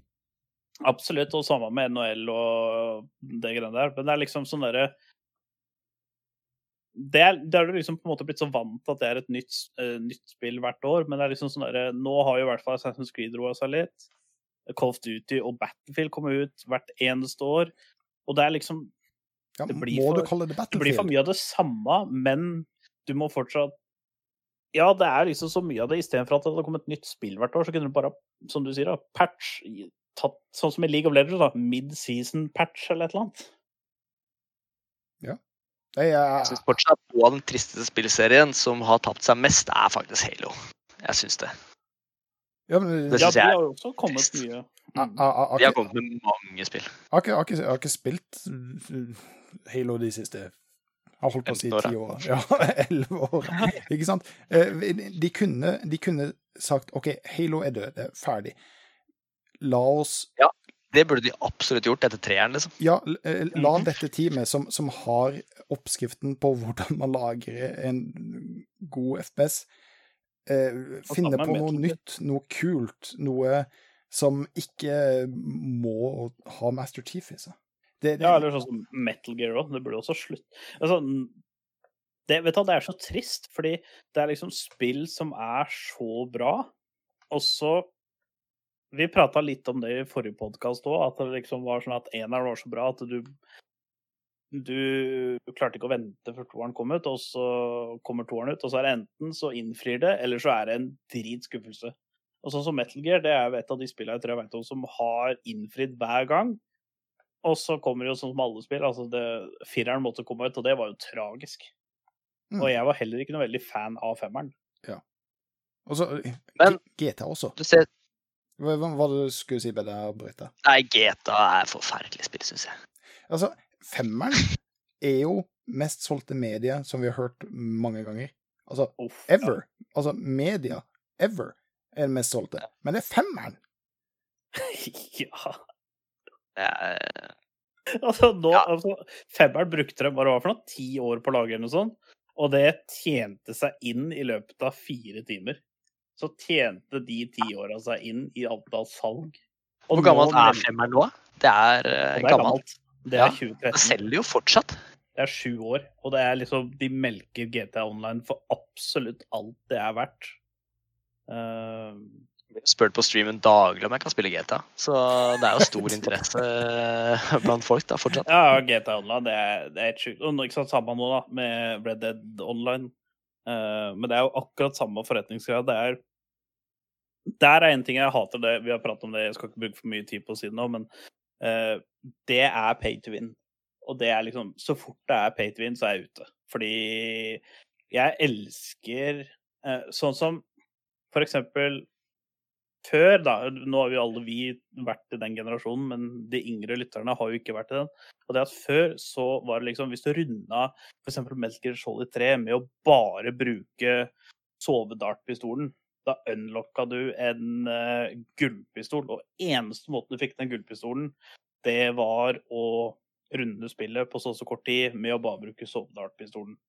Eller eksempel ikke å drepe noen i det hele tatt, eller sånne ting. Mens nå så er det liksom OK, payer du 50 kroner ekstra, så får du med den gullpistolen. Mm. Ja. De har, gjort det, de har gjort det lett for spillerne. Men det er det jeg snakka litt om sånn med håndholdning og sånt uh, i stad. Mm. At de gir en utvei da, som er altfor lett for spillerne. For at Mm. spillerne skal få den mestringsfølelsen i gåsetene som det du fikk før ved mange timers arbeid. -hmm. Men, men Det kommer, savner jeg faktisk. Kommer utviklerne til, til, å fortsette med det? Er det sånn at det kommer en uh, Mortal Kombat 25? Altså, er, er det sånn at de uh, uh, IP-ene, jeg kaller det eh, intellectual properties, er det sånn at de bare kommer til å melke de all tid fremover, eller, eller kommer vi til å få nye innovasjoner? Jeg tror det at så lenge de tjener penger, så kommer de til å melke det for det det er verdt. Absolutt. Men du ser jo selv da. Du har jo sånne historier der hvor Mm. altså, Som sagt, en av mine favorittspill er også Selda og Coin of Time og Metroid Mask. Og eh, når det ble re-releasa på Nintendo 3DS, det var jo det første jeg kjøpte, var jo Nintendo 3DS. Det måtte jo ha det. Men Mhm. der er det som, det er masse sånn mediocre spill imellom, og så bare banga de på 20 år etterpå, etter Majora's Mask, så banga de på med Breath of the Wild. Som ble liksom et av tiende spill, liksom. Så du har jo mange sånne suksesshistorier som kanskje veldig mange sånne sp- spilldevelopers prøver å oppnå på samme måte. I hvert fall når sånne historier som Breath of the Wild kommer ut. Men Mm. Er jo et veldig godt eksempel, fordi de gjenoppfinner jo seg sjøl nesten i hvert eneste spill. Hadde, Det er sant. hadde det vært et like godt spill om det het Ride the Donkey? Jeg ville sagt bedre, men eh, Det var det, første, det var det første som poppa i hodet. Men altså, det hadde vært samme spillet, det hadde vært samme ideen, det hadde vært samme game-mekanikken. Men altså, hvorfor må det på død og liv være den karakteren? Nei, det er jo for at folk eh, Det er jo for å selge så kjapt som mulig. De har jo brukt så mange titalls år med markedsføring. Hvorfor skal de kaste all den markedsføringen i dass? Ja, det kan hende at det er bare en romantiker som tror at folk lager spill for at jeg skal synes at det er underholdende. Jeg- Har du noen, uh, eh, har du noen eh, rant, uh, Bedre? Er det noe i spill, uh, spill eller uh, sånt som, som trigger deg litt, eller som på en måte setter eh, litt fyr i øya dine? Det er svært lite som gjør meg forbanna med spillindustrien, utenom spillindustrien i seg sjøl. Men uh, Bortsett, fra alt det. Men én ting som irriterer meg verre enn noe annet, tror jeg er uh, Ubisoft. Okay. Og Ubisoft Servers. Jeg spilte Rainbow Six ganske mye. Ganske Og lenge. jeg òg. Siege! Ja. Eh, og jeg tror jeg har vært stuck i level 20 i flere måneder. Fordi at midt inni de hersens gama på Rainbow Six, så er det et eller annet som gjør at jeg mister connection eller til disse her Ubisoft serversa. Det er så mye bug med disse Ubisoft serversa at jeg hver gang jeg er i et game, så mister jeg connection på et eller annet tidspunkt. Og det de har funnet ut da, er at da skal jo ikke noe av statsa mine telle i det hele tatt. Så jeg får ikke ett snev av XP hele den matchen. Så jeg har vært stuck i level 20 i flere måneder, liksom. Ja, det er helt tragisk. Eh, Det har faktisk vært eh, Jeg vet ikke hvor lenge siden det er siden du spilte Siege, men det har vært eh, Det var Siege på både konsoll og PC opplevde Nord-Europa, holdt jeg på eller verdens største DDoS-attacks. Så det var jo sånn at hvis du var i et game, og du spilte på én server, så var det sånn at hvis De hadde veldig feil serversetting, da, der de leide serverne. Så at hvis én server ble DDoSa, så blei 16 andre servere også DDoSa pga. den ene serveren. Og Nei, jeg det, tror eh, Ja, det er ganske sykt. Men eh, det er noe av det som har irritert meg mest noensinne med spill. Jeg slutta å spille det? Jeg slutta å spille pga. det. Ja, det er jo Det, helt er, eh, tragisk. det ødela hele spillet for meg. Bra spill sånn ellers, men de serverne kan gå og legge seg.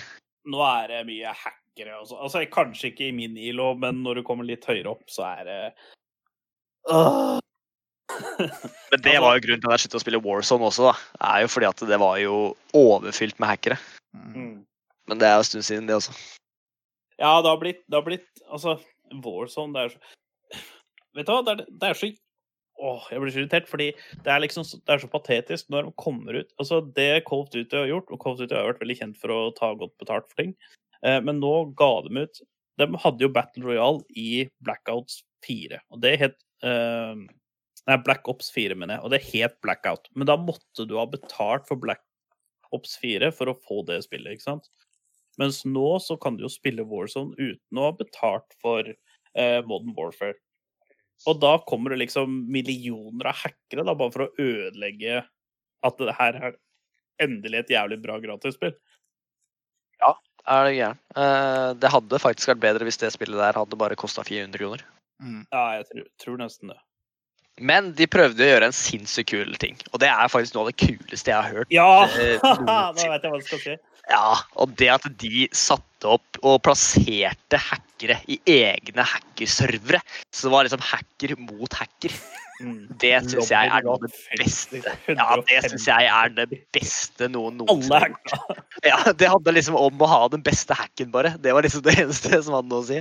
Eh, Det er jo sykt kreativt og morsomt. 200 Q eh, play. Ja, men det, det, det er jo dritgenialt. Og det altså ehm, Sånn som Siege har jo også slitt Selv om det er jo et spill du må betale for, så det sliter veldig mye med med hackere, eh, spesielt da i Og boosting og sånne ting har de slitt veldig mye med. Eh, Mye er jo fordi at The Siege gjorde litt som League of Legends, eksploderte i popularitet. Det ble veldig fort Og det vokser jo hver dag. Det vokser jo enda til og med.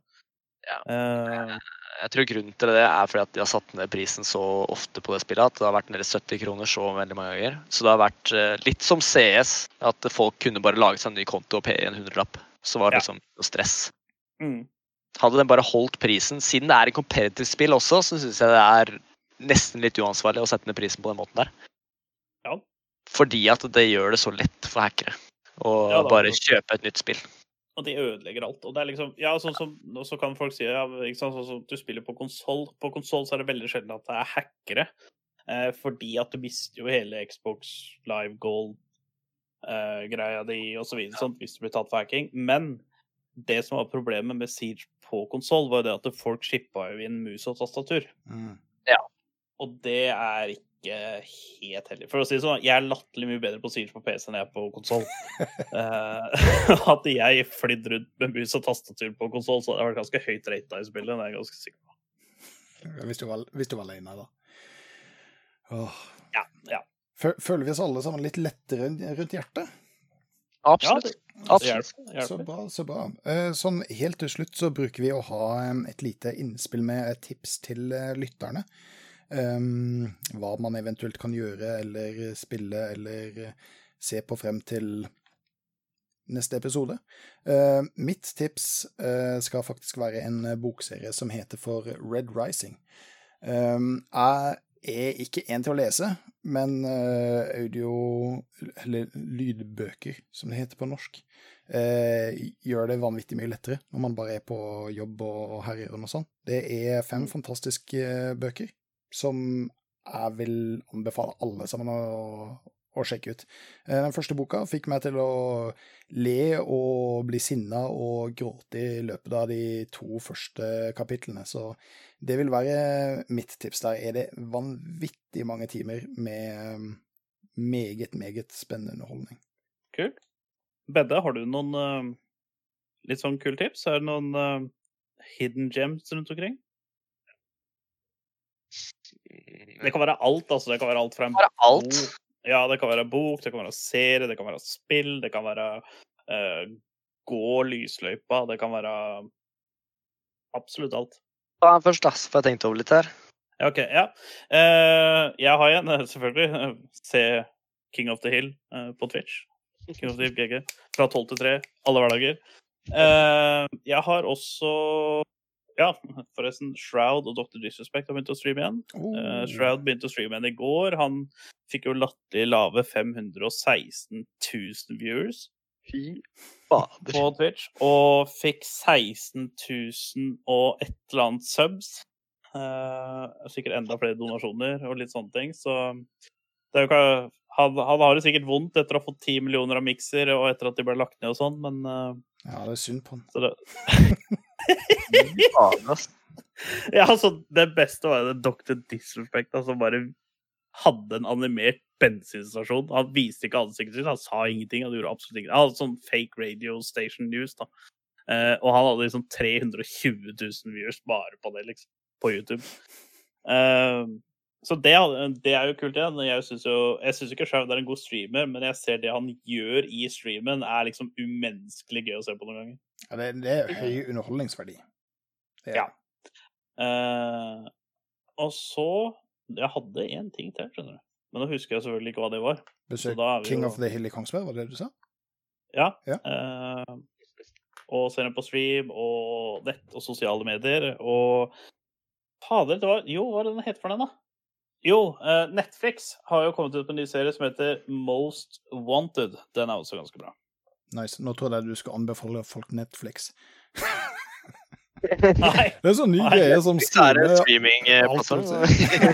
hva er serier og filmer og greier, gutta? Så TV-en min sa det at jeg bare måtte teste ut dette, så tenkte andre måtte vite. Altså, det er greit at jeg sover under himmelen noen ganger, men det er ikke helt der, da. Nei, det er- det er. Om eh, to år så har jeg funnet ut hva Netflix og chill er for noe. Ja. Uff a meg. ja. Har du noen Ja. gode tips med det? Altså, de, eh, det jeg har sett på nå litt i det siste, har faktisk vært eh, World's Toughest Prison. OK. Ja. Det er på Netflix. Det syns jeg er uh, kjempeinteressant. er, ja, det er sinnssykt. Det er absurd, rett og slett. Det er ganske spennende. Uh, det handler jo bare om uh, syke fengsler, og det er jo bare anarki. Mm. Så det er spennende å se på hvordan faktisk, eller hvor ustrukturert andre land har det i noen av fengslene sine. Mm. Og det er liksom ikke, de har liksom ikke samme mentaliteten vår med å rehabilitere folk. Her er det rett og slett bare straffe. Straffe, straffe, straffe. Ja. Ikke noe om hvordan, de, kommer, eh, hvordan de kommer ut av det. Så det er litt uh, fascinerende å se på. Ellers så er det jo selvfølgelig Sherlock. Mm. Sherlock er en fantastisk serie på Netflix. Som er helt genial, syns jeg. Jeg vet ikke om dere har sett den, gutta? Nei, Jeg har sett eh, litt, ikke ferdig ennå. Jeg Ja, får den opp på feeden, men jeg har ikke, har ikke sjekka det ut ennå. Nei, anbefaler dere absolutt å se det. Absolutt. Skal jeg ta og pikke opp den? Også? Ja, det er eh, fantastisk underholdende. Tøft. Det er absolutt verdt å sjekke ut. Eh, der har vi det. Hvis det ikke er noe mer dere har på hjertet, så tror jeg vi kan eh, runde av eh, episoden. Uh, sjekk ut King of the Hill. Uh, sjekk ut denne podcasten og alle andre på Podbin. Eh, hva det det andre heter? Spotify. og som vanlig tre dager senere enn alle andre steder på iTunes. Jeg er som vanlig Bob Rob. Og jeg er Gunley, og tusen hjertelig takk, Peder, for at du eh, tok eh, tid av den travle planen din og eh, satt og hang med oss en hel kveld. Tusen hjertelig takk for at du ville ha meg. Det var Kjempekoselig. Absolutt. Så frem Ja. til eh, neste gang, så Vi høres. høres vi.